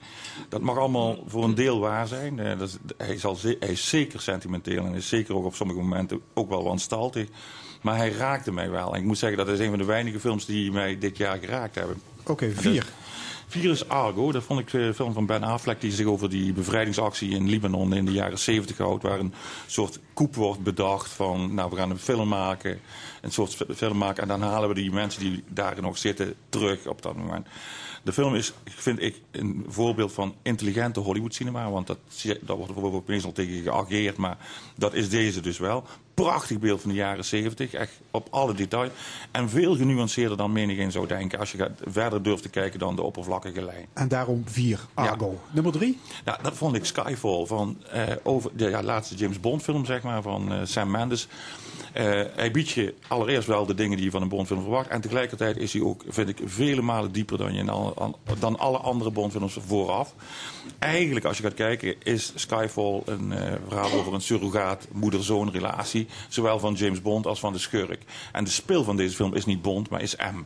En ik vind dat, hij die, dat Mendes, de man die ook achter de Beautiful Mind, uh, ja, Beautiful Mind zat dat ongelooflijk goed heeft gedaan. Ik, vind het een, ja, ik vond het een revelatie in Bond-genre. Twee. The Descendants van Alexander Payne, eh, met George Clooney in de hoofdrol. Dat is ook een van de weinige films die mij eh, geraakt heeft dit jaar. Een hele kleine film over een man uh, die erachter komt dat een vrouw een bedroog heeft. Net op het moment dat ze in coma raakt. En wat doe je dan met je woede en met je kwaadheid en alles wat daarbij komt. Maar ook met je verdriet die daarin zit. En die film smeet ook een band tussen hem en zijn twee dochters die eigenlijk uit elkaar zijn gegaan. Dat doet hij echt op een hele mooie, integere manier. Ik vind Clooney werkelijk op zijn best in deze film. Zelden zo goed gezien als in deze film. Maar ook een film die in alles in balans is. Niet de grote extreme dingen opzoekt, maar precies op de plek blijft zitten waar hij hoort te zitten. Namelijk bij de mensen. Oké, en wat is volgens jou de allerbeste film van 2012? Ja, hartstikke, hartstikke voorspelbaar. En uh, waar iedereen het al over zal eens zijn, is het toch Amour van Michiel Haneke. Uh, het verhaal van uh, geestelijk en lichamelijk verval en wat dat doet met mensen die dat ondergaan, maar ook mensen die dat moeten zien aan de buitenkant. Briljant gespeelde Jean-Louis Trintignant en Emmanuel Riva, wat ik echt fantastisch vond gedaan. Een film die meedogenloos laat zien wat de consequenties zijn. En tegelijkertijd, en dat is daarom, daarom vind ik dit ook een film die zich boven het uiveren van Haneke begint uit te tillen. Ik vond Haneke vroeger een man die prachtig het negatieve beeld van de mens kon weergeven, de misanthropie van, de misanthropie van het bestaan. Maar ik vond dat ook makkelijk. Er zat nooit iets van troost in of er zat nooit iets van een oplossing in. Het, het, was puur registratief. En ik vind dat Haneke nu de laatste jaren ook veel meer aan het kijken is van wat, dat er een andere component zit. En het is zonder twijfel Haneke's meest meedogenloze film, maar ook zijn meest troostrijke tegelijkertijd. En die combinatie is briljant. Ik moet zeggen, hij ging immens diep. En het is een film die ik intens bewonder, maar waarvan ik ook zeg, ik wil hem de komende tien jaar niet meer zien. Ja, ik mis uh, Intouchable, de, de filmhit van dit jaar in je Ja, commercieel gezien zeker. En ook, het zal hoogstwaarschijnlijk ook de grootste publiekstrekker zijn. En mensen die uh, zijn totale volkstammen die komen vertellen dat ze de beste film van het jaar vinden. Uh, het is een ongelooflijk onderhoudende, prettige film, maar ook niet meer dan dat. Ik bedoel, het is, het is een, ja, eigenlijk een heel niemandalletje, maar heel prettig verteld. En op dat prettig vertellen, daar is niks op af te, af te dingen. Dat doet hij uitstekend. Maar ja, het is een doorsneeproductie in alle opzichten. Oké, de balans opmakend was 2012 een goed filmjaar? Nee, het was het eigenlijk het grote jaar van de teleurstelling. En ik wil u ook zeggen waarom ik het een jaar van, van alle grote meesters die ik verwacht had. Of dat nu uh, Tom Tykwer is met de Cloud Atlas of Ang Lee met The Life of Pi. Waar, twee films waar het vorm voornamelijk over de inhoud gaat. Maar ook zoiets als bijvoorbeeld de Warhouse van, Horse van Steven Spielberg. Negen verhalen verteld, had er twee verteld en die uitgewerkt. Dan was het een goede film geworden. Maar misschien wel de allerergste teleurstelling van ze allemaal was Martin Scorsese's Hugo. De man die toch de getormenteerde mensheid laat zien over het algemeen, komt me nu met een kinderlijke film aan over de 1900. Prachtig vormgegeven, dat gaat wel. Maar van hem verwacht ik toch, eerlijk gezegd, een afbeelding van die bij Hieronymus Bosbas, hè, van de gekwelde mens. En wat krijg ik met Hugo? Een prentbriefkaart van Anton Pieck. Nou, veel erger kun je het toch niet maken. Ja. Jan, iets anders. Bijna alle filmhuizen in Limburg die hebben of die krijgen nieuwe huisvesting. Dat is opmerkelijk in deze tijd van bezuinigingen. Ja, tegen alle draden ingaat is dat wel. Ik, ik, ik juich het alleen maar toe. Laat er geen misverstand over staan. Ik bedoel, het aantal doeken moet in Limburg eigenlijk nog, nog veel maar ja, hoger Hoe meer zalen, hoe beter? Ik vind op zich, laat, nou, ik wil, ik wil wel dat het aanbod wel diverser mag zijn hier in deze provincie. Ik bedoel, je merkt ook al als er opeens voorstellingen zijn van drie, of, of een relatie van drie of vier kopieën of wat dat was, dan zie je dat dat in Limburg niet komt. Of bijna alleen maar in Maastricht komt. En ik vind het wel goed dat dat er een grotere diversiteit komt. Ik moet overigens nog wel zien dat alle filmhuizen gerealiseerd worden. Want er zitten een aantal van de filmhuizen die hier staan, staan in de planning. Ja, Sittard, Heerlen, dat moet er nog allemaal gebeuren. Ja, dat moet nog allemaal gebeuren. Eerst ja. zien, dan geloven, denk ik op dat moment. En als men dat doet, vind ik ook dat je daar moet gaan kijken van hoe ga, geef ik zo'n filmhuis een ideale kans. Want een gebouw alleen neerzetten, daarmee heb je het niet gedaan. Je moet er ook een organisatiestructuur voor bouwen, neerzetten, die dat kan dragen. En geef ze de tijd. Want verwacht niet dat ze in één jaar al een, een, een goed lopend film. Een filmhuis moet zich ook zetten, aarden en dan moet ook een structuur zich kunnen ontwikkelen. En als een gemeente dat niet doet, is het al een doodgeboren kindje voordat het op de wereld is. Oké, is er qua film nog iets te verwachten van Maastricht, culturele hoofdstad 2018? Ik zou, ik zou, er, ik zou daar wel op insteken als ik Maastricht was. Uh, dus als je de, alle kunst, al, Flikker Maastricht hebben we al. Ja, nou ja, nou, briljant uh, zou ik willen zeggen. Uh, en dat toch wel weer voor het zevende seizoen. Hè, toch, nee, het is, ik vind wel, kijk, als je het gaat hebben dat je Maastricht als cultuurstad wilt hebben en je zou film daar niet bij betrekken, dat je een belangrijke omissie hebt. Wat denk je aan? Nou, ik denk van probeer eens een productie hier te krijgen. Dat hier een productie gemaakt wordt in Maastricht. Een productie waar, waar de, de stad getoond wordt, maar niet alleen als een soort VVV-spotje wat het bij Flikker Maastricht is.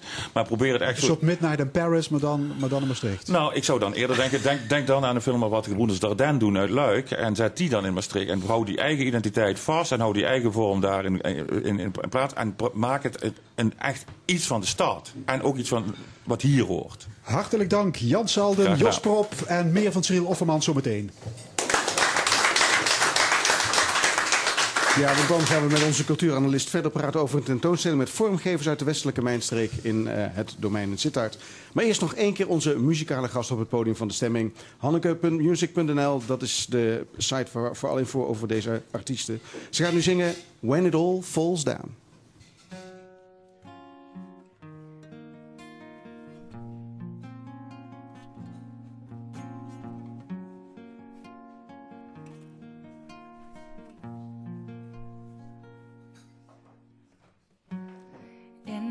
World of countless people.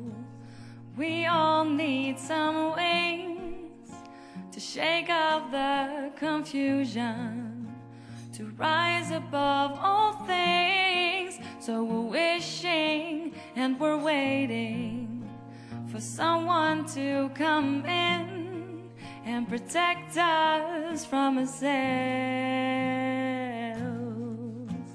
Hey, wasn't there a way to make it work with me when it all falls down?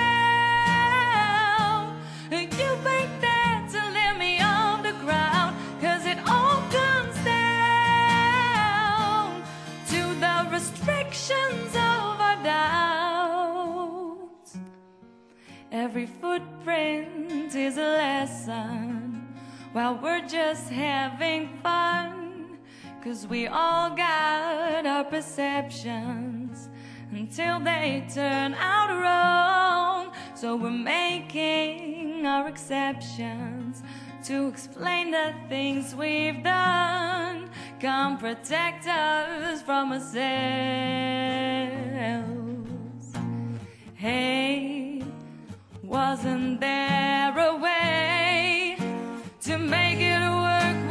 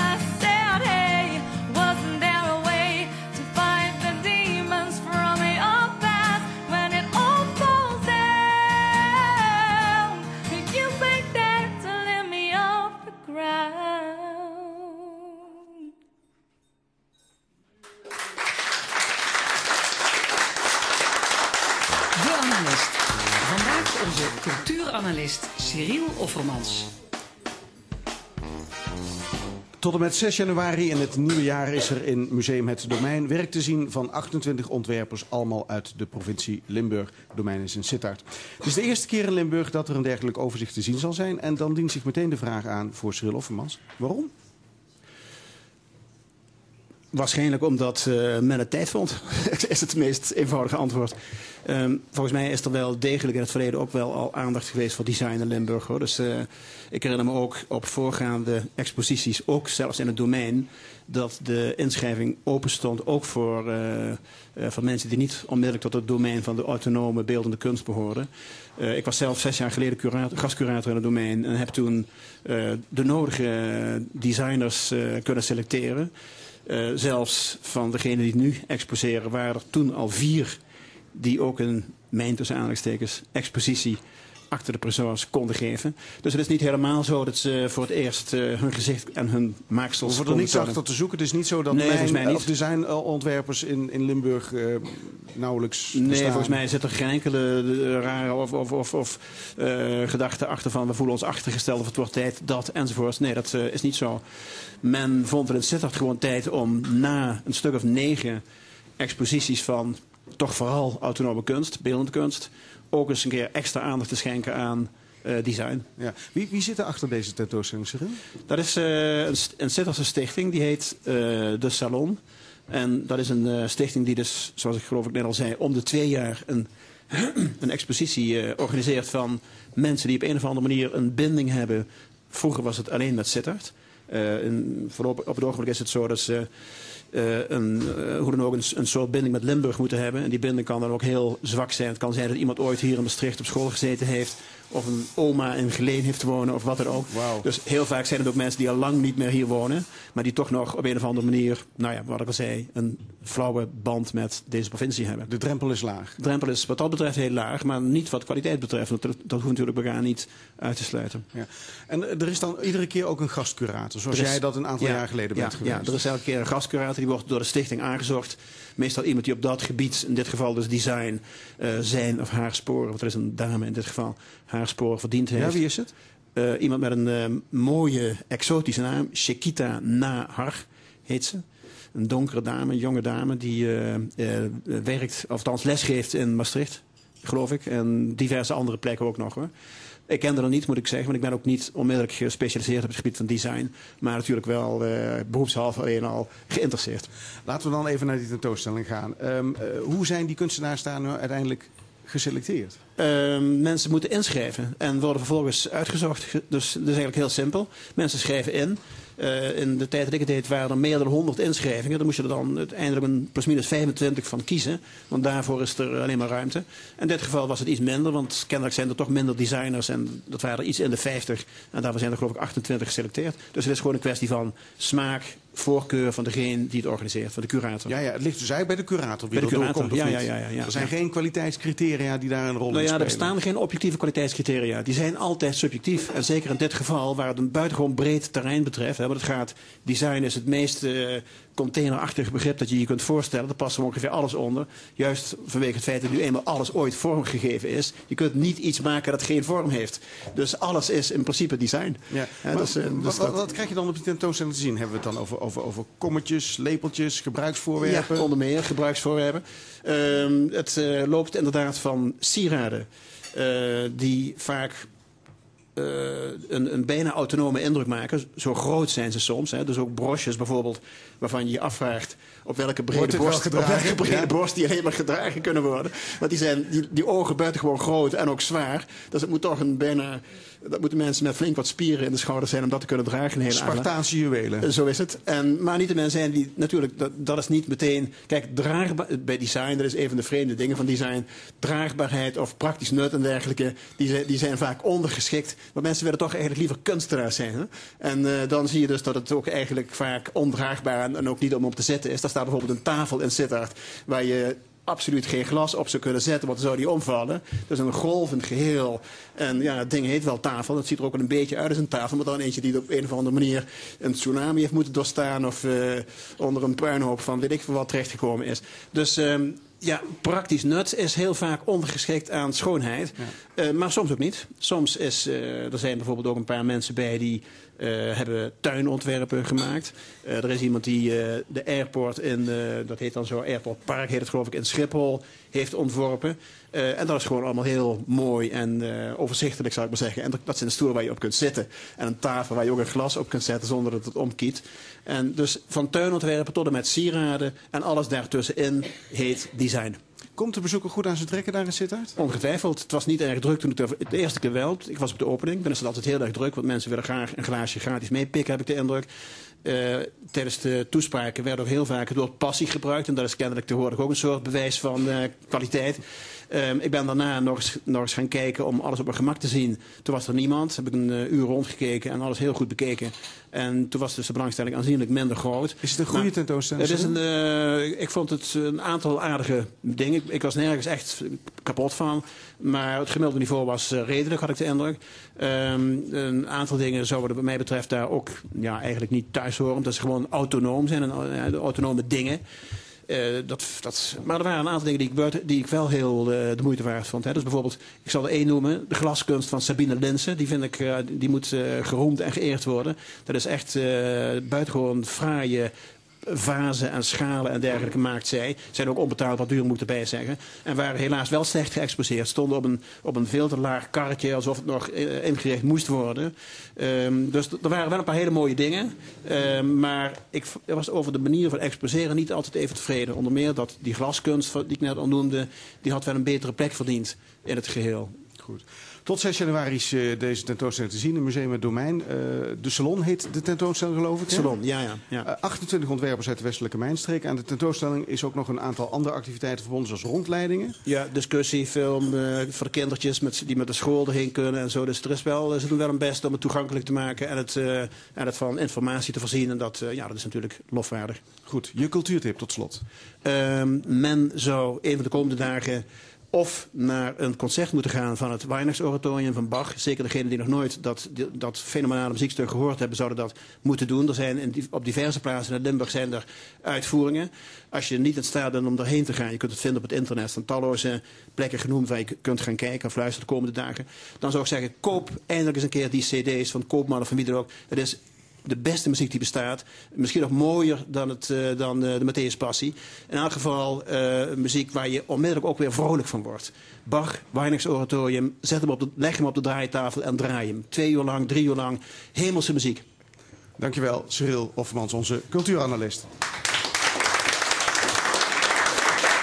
Aangeschoven is het eh, discussiepanel van deze week. Dat zijn vertegenwoordigers van politieke jongerenorganisaties. Ik stel ze aan u voor. Jordi Clemens van eh, Rood, Ralf Dieteren van het CDJA en Max Patelski van de G500. Om te beginnen, wat is jullie ergernis van de week? Max Patelski van de vernieuwingsbeweging G500. Ja, de ergernis van de week. Nou, die richt zich eigenlijk vooral op afgelopen vrijdag.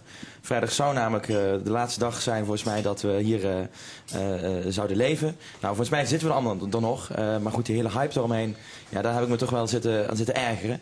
En ook in de mate waarop de media bijvoorbeeld daar wel weer een issue van maakt. En dan moet je toch afvragen, wil je eraan meegaan of niet? Nou, ik zal die vraag niet beantwoorden, maar hem wel stellen. Jordi Clemens van Rood, de yoga-organisatie van de SP. Ja, ik heb met enorme verbazing zitten kijken naar die toespraak van de eh, Amerikaanse wapenlobby, hè, de NRA. Eh, daarin werd namelijk gezegd dat de oplossing voor het gebruik van wapens op scholen was meer wapens. Nou, als mij vragen is het net zoiets als hedge funds vragen om de crisis op te lossen. Hè, dus gewoon meer problemen veroorzaken. Nou, derde aan tafel is Ralf Dieteren, de voorzitter van het CDJA in Limburg. Ja, Jouw vond- ergernis van de week? Ik vond het nog moeilijk deze week. Het begon in de auto. Ik hoorde een bericht over een stille tocht voor Johannes. Ik schrok. Ik denk er is iets gebeurd met die Fries van The Voice of Holland. Maar het bleek een bul terug, terug te zijn. Absurd bericht. Daarna schrok ik weer omdat de zwarte kanten van kerst zich kenbaar maakten. Doordat eh Wham weer op de radio verscheen met Last Christmas. Maar ik moet toch ook het met Jordi eens zijn. Die uitspraak van de, de National Rifle Association, de wapenlobby, lobby, wapens bestrijden met meer wapens, verschrikkelijk. Ik hoop dat Obama het, eh, oppakt als leaning duck. Geen electoraal belang meer, maar hij kan nu wel beleid doorzetten. Oké, en niemand heeft zich druk gemaakt over de uitspraken van de paus over homoseksualiteit? Ja, als ik alles moet gaan opnoemen, dan eh zit weer nog een tijdje. Nou, laten we het dan over iets anders hebben. Deze week ontstond enorme politieke opwinding over onze staatssecretaris van Financiën, Frans Wekers. Wekers zou een reclameuiting langs de snelweg als wederdienst hebben aangenomen van Jos van Rij. En in ruil daarvoor zou Wekers hebben geholpen bij het oplossen van een belastingskwestie. Was al die politieke opwinding rond Wekers nou eigenlijk wel terecht? Aan jou de vraag. Eh, ja, Ralf Diederen. ik denk eh, zeker dat het terecht is. De vraag is natuurlijk in hoeverre eh, heeft Wekers bewust gehandeld, wist er van af. Op het moment dat zoiets ter, eh, in opspraak komt, moet je realiseren dat je alleen maar volledig integer kunt zijn of niet. En dan moet je ook in alle openbaarheid daar een volledig debat over kunnen voeren. Max Vertelsie? Ja, het feit alleen al dat hier ook gesteld wordt van ja, er is onduidelijkheid, dan moet je die wegnemen. Dus eh, als er gedoe is geweest rondom hè, vragen in de Tweede Kamer, eh, uiteindelijk heeft hij ook gezegd dat het onhandig was en dergelijke dingen. Dus voor mij is het goed dat hij daar even schoon, schoon schip heeft proberen te maken. Of dat voldoende is, dat zal wel moeten blijken. Want ik denk wel dat zijn politieke lot nu ja, nog wel spannend wordt. Ja, Jordi Clemens, was het voldoende? Nou, ik, ik las afgelopen week, las ik, eh, ik meen het NRC dat het was, las ik een uitspraak van minister Plasterk. Die zei, elke schending van de publieke integriteit, van de, integriteit van de politiek, of die nou klein of groot is, schendt de politiek of het openbaar bestuur in zijn geheel. En dat is hier ook in de orde. Ehm, ik denk dat het naïef is om eh, te denken dat Frans Wekers niet wist waar hij mee bezig was in deze. Het is gewoon een, eh, heel simpel gezegd. Jos van Rij was een Eerste Kamerlid. Moest dus ook de regering controleren. De regering waarin Frans Wekers zat. Nou, als je dan dit soort geschenken gaat accepteren, eh, dan ga je toch heel sterk het vermoeden krijgen dat daar iets bewust gebeurt. Nou ja, Het, het, is- CDA. Ik denk dat het wel ook iets basaler nog is. Want het, eh, het, om er meteen de relatie te leggen tussen die zeil en tussen eh, ehm, de eh, belastingdienst waar het om gaat, dat, dat, dat moet nog blijken. Maar waar het wel om gaat is als een gewone burger zich wendt tot de Belastingdienst met een vraag en een wethouder of Eerste Kamerlid zich eh, daartoe richt, dan zou de behandeling op dezelfde manier eh, moeten gebeuren. Dus ik denk dat daar heel erg een, voor mij in ieder geval een gevoelig punt ligt waar goed naar gekeken moet worden. Terwijl je ziet dat vooral ook in het Kamerdebat van afgelopen donderdag heel veel over de zuil van Wekers eh, werd gesproken. Ja, ik denk dat we voornamelijk ook moeten kijken van, goh, hoe ga je nou om met ambtsdragers die zich richten tot, eh, tot eh, organisaties, tot een belastingdienst, die blijkbaar toch een andere behandeling krijgen? Ja, Max Vertelski, was de oppositie niet een beetje te fel? Nee, nee, nee, zeker niet. Ik denk dat je hier bovenop moet zitten. Maar als je dat hebt gedaan, dan moet je ook zeggen dat het goed is. En iedereen kan een keer iets onhandigs doen. Iedereen kan een keer iets, iets misschien doen wat, wat de schijn tegen heeft. Eh, dan moet wel iemand de kans krijgen om dat weer te herstellen. Dus dan zit je er bovenop. Dan zorg je dat alles boven tafel komt. En als dat is gebeurd, dan eh, moeten we wel zorgen dat we in, in dit land wel weer verder kunnen. Want anders hebben we daar niemand meer over die in de politiek kan Maar zitten. stel, Max, jij krijgt in de auto een telefoontje van een bevriende eh, politicus. En die zegt: Luister, joh, en zie je die poster daar langs de A73? Leuk hè, die, die, die, die foto van jou, dat heb ik geregeld. Doei. Nou, dan zou ik op zijn minst een campagnemedewerker even vragen om eh, uit te zoeken hoe dat precies zit. Eh, volgens mij heeft hij dat ook gedaan. Eh, eh, hij heeft daar in eerste instantie van gezegd dat hij het allemaal niet wist. Later heeft hij dat wel gedaan. Ja, dat is onhandig. Ehm, ik zal niet eh, oordelen over wat dan de politiek moet gebeuren. Dat heeft de Tweede Kamer gedaan. Eh, en eh, ik zou bijna zeggen, ja, tot zover. En als er meer boven tafel komt, dan moet je daar weer bovenop zitten. Ja, Jordi, eh, het speelde allemaal zich af in verkiezingstijd. Dus Wekers die zat daar gewoon als VVD'er. En dan kreeg een collega politicus aan de lijn van dezelfde partij. Dat is toch iets heel anders dan de functie van staatssecretaris? Nou, volgens mij kun je dat niet los van elkaar zien. Je kunt niet zeggen, ik ga vanavond naar huis en dan ben ik geen staatssecretaris meer. Eh, bovendien heb ik zelfs begrepen dat eh, zelfs binnen de VVD een onderzoek is ingesteld naar wat hier gebeurt. Dus of dit wel volgens de regels van de partij is. Nou, eh, volgens mij kennen we de VVD niet als een partij die heel erg vies is van, laat ik zeggen, vriendschappelijke banden met bijvoorbeeld de vastgoedwereld. Dat hebben we ook in Roermond gezien. Eh, nou, als zelfs daar een onderzoek wordt ingesteld, dan denk ik dat je niet meer kunt zeggen dat er niets aan de hand is. Maastricht Airlines gaat vliegen vanaf Beek en wel naar Amsterdam, München en Berlijn. Er wordt vier keer per dag op eh, Schiphol gevlogen, later mogelijk zes keer per dag. Wordt dit een succes? Dieteren, CDJA. Ja, nou, ik, ik, ik, ik mag er eh, van meerdere brillen naar dit onderwerp kijken, toch ook gemeenteraadslid ben in Beek. Ehm, eh, ik hoop dat het een succes wordt. Ik denk dat het een heel belangrijk is voor het vestigingsklimaat in de regio. En met welke bril zeg je dit nu? Eh, de CDA-bril. Laat ik me even gewoon eh, op provinciaal niveau daar tegenaan kijken. Er zijn zeker uitdagingen, maar als je ook kijkt naar de ontwikkeling in de regio, ook met het vliegveld, een ontzettend florerend bedrijventerrein eromheen, wordt de eerste Ryanair-hub wordt daar ook van, van heel Nederland. Dus ik denk dat er wel kansen liggen, maar ook risico's. Ja, maar je zegt, ik hoop dat het een succes, succes wordt. Wat, wat denk je? Eh, ik ik, ik, ik eh, denk dat er ook zeker genoeg potentie is om tot succes te maken. Ik denk voornamelijk ook op het zakelijk reisgebied. Op het toeristisch gebied denk ik dat ik zelf ook nog wel eh, toch wat kritischer tegenaan kijk. Maar eh, ik laat me graag tegen dat Jordi. Clemens van Rood. Ja, ik hoop ook van harte dat het een groot succes gaat worden natuurlijk. Maar er zit natuurlijk ook een bepaald risico aan. En dat risico is niet alleen maar voor die ondernemer, maar ook voor ons allemaal. Want er zit ook drie ton subsidie in dit bedrijf nu. Ja, er komt twee ton van de provincie en één ton van de gemeente Maastricht. En dat is toch gewoon belastinggeld. Als je dan kijkt dat... eh, maar jij vindt die steun op voorhand niet eh, gerechtvaardigd? eh, ik vind het in ieder geval riskant, laat ik het zo zeggen. Ik, ik weet niet of ik, dat had, of ik daarmee had ingestemd als gemeenteraadslid.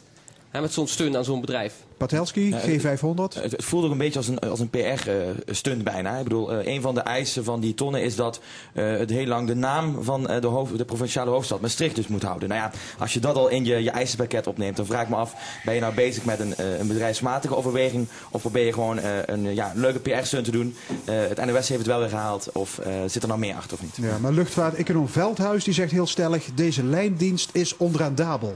Nou ja, hij was er ooit, volgens mij, voor mij door de KLM gedraaid. Ja, KLM is gestopt in maken. 2008. Precies. Nou ja, I rest my case. Dus de vraag is, waarom zou het nu wel lukken? Nou ja, je moet ook kijken of de situatie hetzelfde is. Waar richten ze zich op? Ik heb ook, eh, als je kijkt naar de tarieven, eh concurreert het ook met de, de eerste klas eh, treinkaartjes. Dus ik denk dat er zeker potentie is.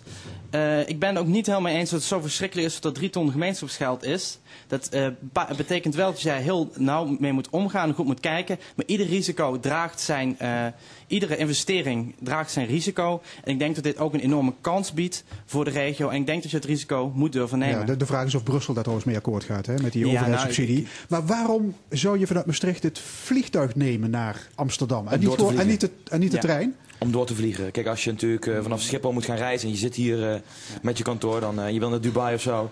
Ja, dan is het handig als je eerst even naar, naar Amsterdam vliegt. Dus En dan krijg je zes keer per dag krijg je het vliegtuig vol. Het zijn wel Fokker ja, 50 ik heb geen kleine idee. Ik kijk niet vliegtuigjes. vaak in de eerste klas, dus Nee. ik weet niet wat er reis.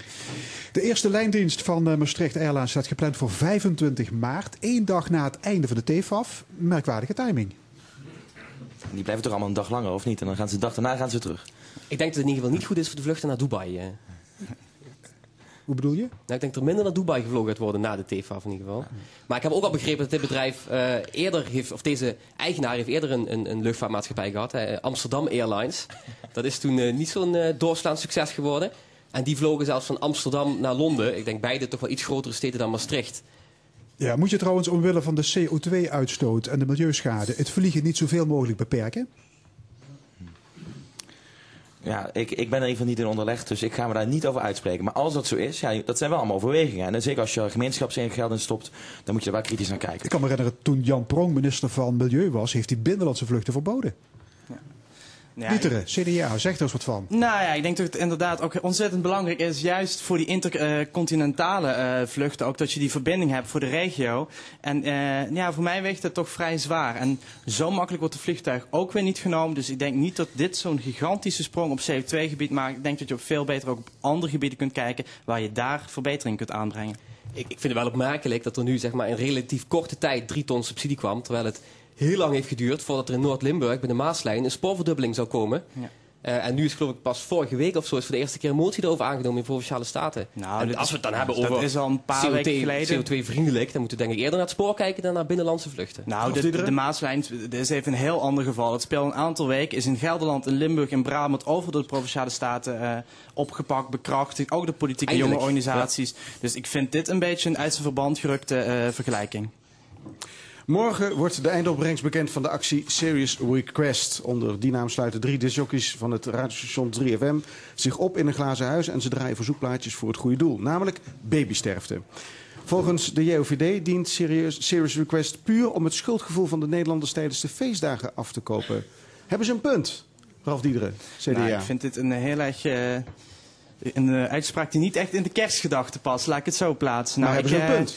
eh, ik vind van niet. Ik denk natuurlijk dat het meeweegt, ook in deze tijd, dat je je schuldig voelt eh, ten opzichte van mensen die het minder hebben. Maar het blijft dat er vorig jaar 12 miljoen is opgehaald. Volgens mij zitten we nu op 4,5 miljoen tussenstand. Voor een ontzettend goed doel. Het creëert ook heel veel samenhorigheid. Kijk naar Engeland. Heb je eh, Red Nose Day. ehm, waar eigenlijk een, een, een charity event, een, een, een, eh, een inzameling voor het goede doel, echt uit is gegroeid tot een nationale feestdag. En ik denk dat je op die manier, dat dat allemaal punten zijn die zoveel meer we- wegen dan eh, het feit dat je je schuldgevoel zal afkopen. Jordi Clemens van Rood. Ja, ik vind het ook een opmerkelijke houding van de JOVD. Eh, ik hoorde namelijk die, die voorzitter van de JOVD op de radio en die had het over dat hij het Rode Kruis niet vertrouwde of zoiets was het. Nou, ik vind het heel raar, want de VVD vindt blijkbaar niet goed dat er ontwikkelingshulp eh, wordt verhoogd. Sterker nog, ze willen het verlagen, de ontwikkelingshulp. Dus de overheid moet het niet doen. En nu doet een private instantie en dan vinden ze het ook niet goed. Het doet me een beetje denken aan die twee eh, Muppets. eh, die oude mannen die altijd klagen bij de Muppets als er iets gebeurt. Dus, eh, Max Vertelski. Ja, nou ja, als je dat persbericht een paar eens verder leest, dan begrijp je wat ze willen zeggen. Het gaat natuurlijk om de vraag, eh, wat is succesvolle en goede ontwikkelingssamenwerking of hulp of wat dan ook. En ik vind, daar mag je best kritisch over zijn. En als dat hele grote organisaties zijn, dan stellen zij, nou, het zijn niet mijn woorden, maar goed, tot in die organisatie veel blijft hangen. Nou ja, als de directeur van het Rode Kruis een paar ton bijvoorbeeld verdient, ja, dan kun je je dat ook inderdaad hardop afvragen of dat wel of niet zo is. Dus in zoverre, eh, het is natuurlijk gewoon bedoeld om even, eh, dat wij het erover hebben, dat is hen gelukt. Maar het punt wat ze maken, daar moeten we wel kritisch op zijn. Ik bedoel, eh, het is wel geld waarbij eh toevertrouwen in dit geval aan het Rode Kruis, eh, dan moet dat wel heel goed terechtkomen. Goed, jij zegt eh, het heeft te maken met waar het geld allemaal terechtkomt. Ik denk aan de andere kant, hier wordt duidelijk iets gezegd, namelijk over het gevoel van Nederlanders rond die feestdagen. We zitten straks lekker aan tafel, hebben het goed met z'n allen. De een wat minder dan de ander, maar we hebben het over het algemeen goed. En op dat moment komen de drie DJ's die zeggen van jongens, jullie moeten dat goede gevoel, eigenlijk moet je dat afkopen, want er zijn mensen die het niet goed hebben. Is dat terecht? Want over dat gevoel heeft de JOVD het. Ja, daar heeft de JVD het inderdaad over. En, dat- en dat, eh, volgens mij gebruiken ze dat vooral als haakje om een, om een ander punt te maken. Kijk, eh, dat, of dat nou met 3FM is of bij een andere eh, eh, zender of welke actie dan ook, eh, dan zou je dat bij alles een beetje kunnen afvragen. Nou, dat vind ik eigenlijk een beetje de, de ja, zonde van de tijd, zou maar bijna Ja, met name rond kersttijd kan me er iets bij voorstellen. Ja, maar ja, als er een collectebus voor je neus staat en er wordt gevraagd voor een of andere stichting, dan speelt dat ook in op je, je schuldgevoelens of over je, je, wat je daar voelt. En ja, dat is nou eenmaal zo bij goede doen. En dat is ook helemaal niet slecht. Ik, ik denk dat het best goed is als we een beetje omkijken naar elkaar. Ehm, ehm, en volgens mij ziet er ook helemaal geen eh, persoonlijk belang bij of dergelijke dingen. Dus het is ook niet eens eh, slecht of iets dergelijks. Dus ja, wat dat betreft, eh, ja, misschien ben ik het wel met ze eens, maar vind ik het niet zo belangrijk of niet zo erg. Ralf Diederen? Ja, ik vind het ook een beetje uitgaan van een negatief mensbeeld. Alsof je dan eh, voor de rest niets meer zou doen. Ik denk dat het voor veel mensen niet geldt. En ik denk dat het ook wat makkelijk is om te denken dat mensen zo simpel ingeven als je dan dat bericht krijgt. En nogmaals, ik ben het ook met Max eens. Eh, voor mij is dit een heel erg ondergeschikt argument als je kijkt wat er wel allemaal bereikt wordt door dit soort acties. Aan de andere kant zie je wel de afgelopen weken bedrijven met enorme bedragen. Hè? eh, ze komen in beeld, kunnen meteen hun naam noemen. Dat is toch niet eigenlijk eh, zo, zo... Ja, maar wat je ook ziet, en daar ben ik, daar ben ik echt van onder de indruk, wat Nederlanders wel niet allemaal samen doen. Hè? Dan gaan ze samen fietsen, dan gaan ze hele originele acties verzinnen waarvan ik denk van ik ben er jaloers op dat ze het hebben bedacht. Ehm, ja, dat, dat vind ik, ik vind het echt juist prachtig wat het doet met mensen. Het bindt, het brengt mensen samen. eh, eh, ja, dat kan zo, in bedrijven is natuurlijk ook, inderdaad ook PR wat eraan vast zit, maar het is ook een binding op zo'n werkvloer. Ja, prachtig. het is natuurlijk ook een beetje inherent aan wat je doet. hè. In feite is het niet veel anders dan de sponsorloop die de voetbalclub op zondagochtend Ja. doet. Ja, dus eh, bedrijven sponsoren dat, willen daar wellicht ook iets voor terug. Deels is het natuurlijk ook filantropie. Ik, ik Eh, zou er is er niks mis mee wat dat Ik zou toch iedereen aanraden, kijk eens naar de, de BBC. is volgens mij één keer in de twee jaar die Red Nose Day. En dan zie je wat dat teweeg kan brengen en wat voor binding dat in een land verzorgt. En als je dat ziet, dan denk ik dat je heel snel, heel positief over dit soort maatschappelijke initiatieven bent. Goed, we praten over het, eh, met het opiniepanel Ralf Dieteren van het CDA, Jordi Clemens van Rood en Max Patelski van de G500. Het was het weekeinde van de mea culpa's. Eh, Maxime Verhagen heeft spijt van samenwerking met de PVV. Gert Leers bekend dat hij door Wilders onder druk is gezet om het aantal immigranten omlaag te brengen. En Jolande Sap heeft de trainingsmissie in Kunduz verkeerd ingeschat. Is de kerst een geschikt moment voor, voor boetedoening? Nou, Wie? Ik denk voornamelijk dat dit ook een, een teken is van eh, politici die oud-politici geworden zijn. Dat ze afstand hebben genomen van de landelijke politiek. En ja, natuurlijk is eh, kerst altijd een mooi moment om even te herbezinnen en terug te kijken Maar naar de waarom komt afgelopen tijd. kennelijk het inzicht als ze, als ze ambteloos zijn? Nou ja, ik denk dat het, het heeft natuurlijk ook te maken met, met de urgentie als je op die plek zit, met de druk die erop ligt, dat geloof ik wel. Maar ook eh, achteraf is het altijd makkelijker om terug te kijken en te bedenken wat je anders had gedaan op het moment dat je je in die functie en op die positie bevindt. Ja, we kunnen hier een mooie link denk leggen met, met die integriteit. Hè?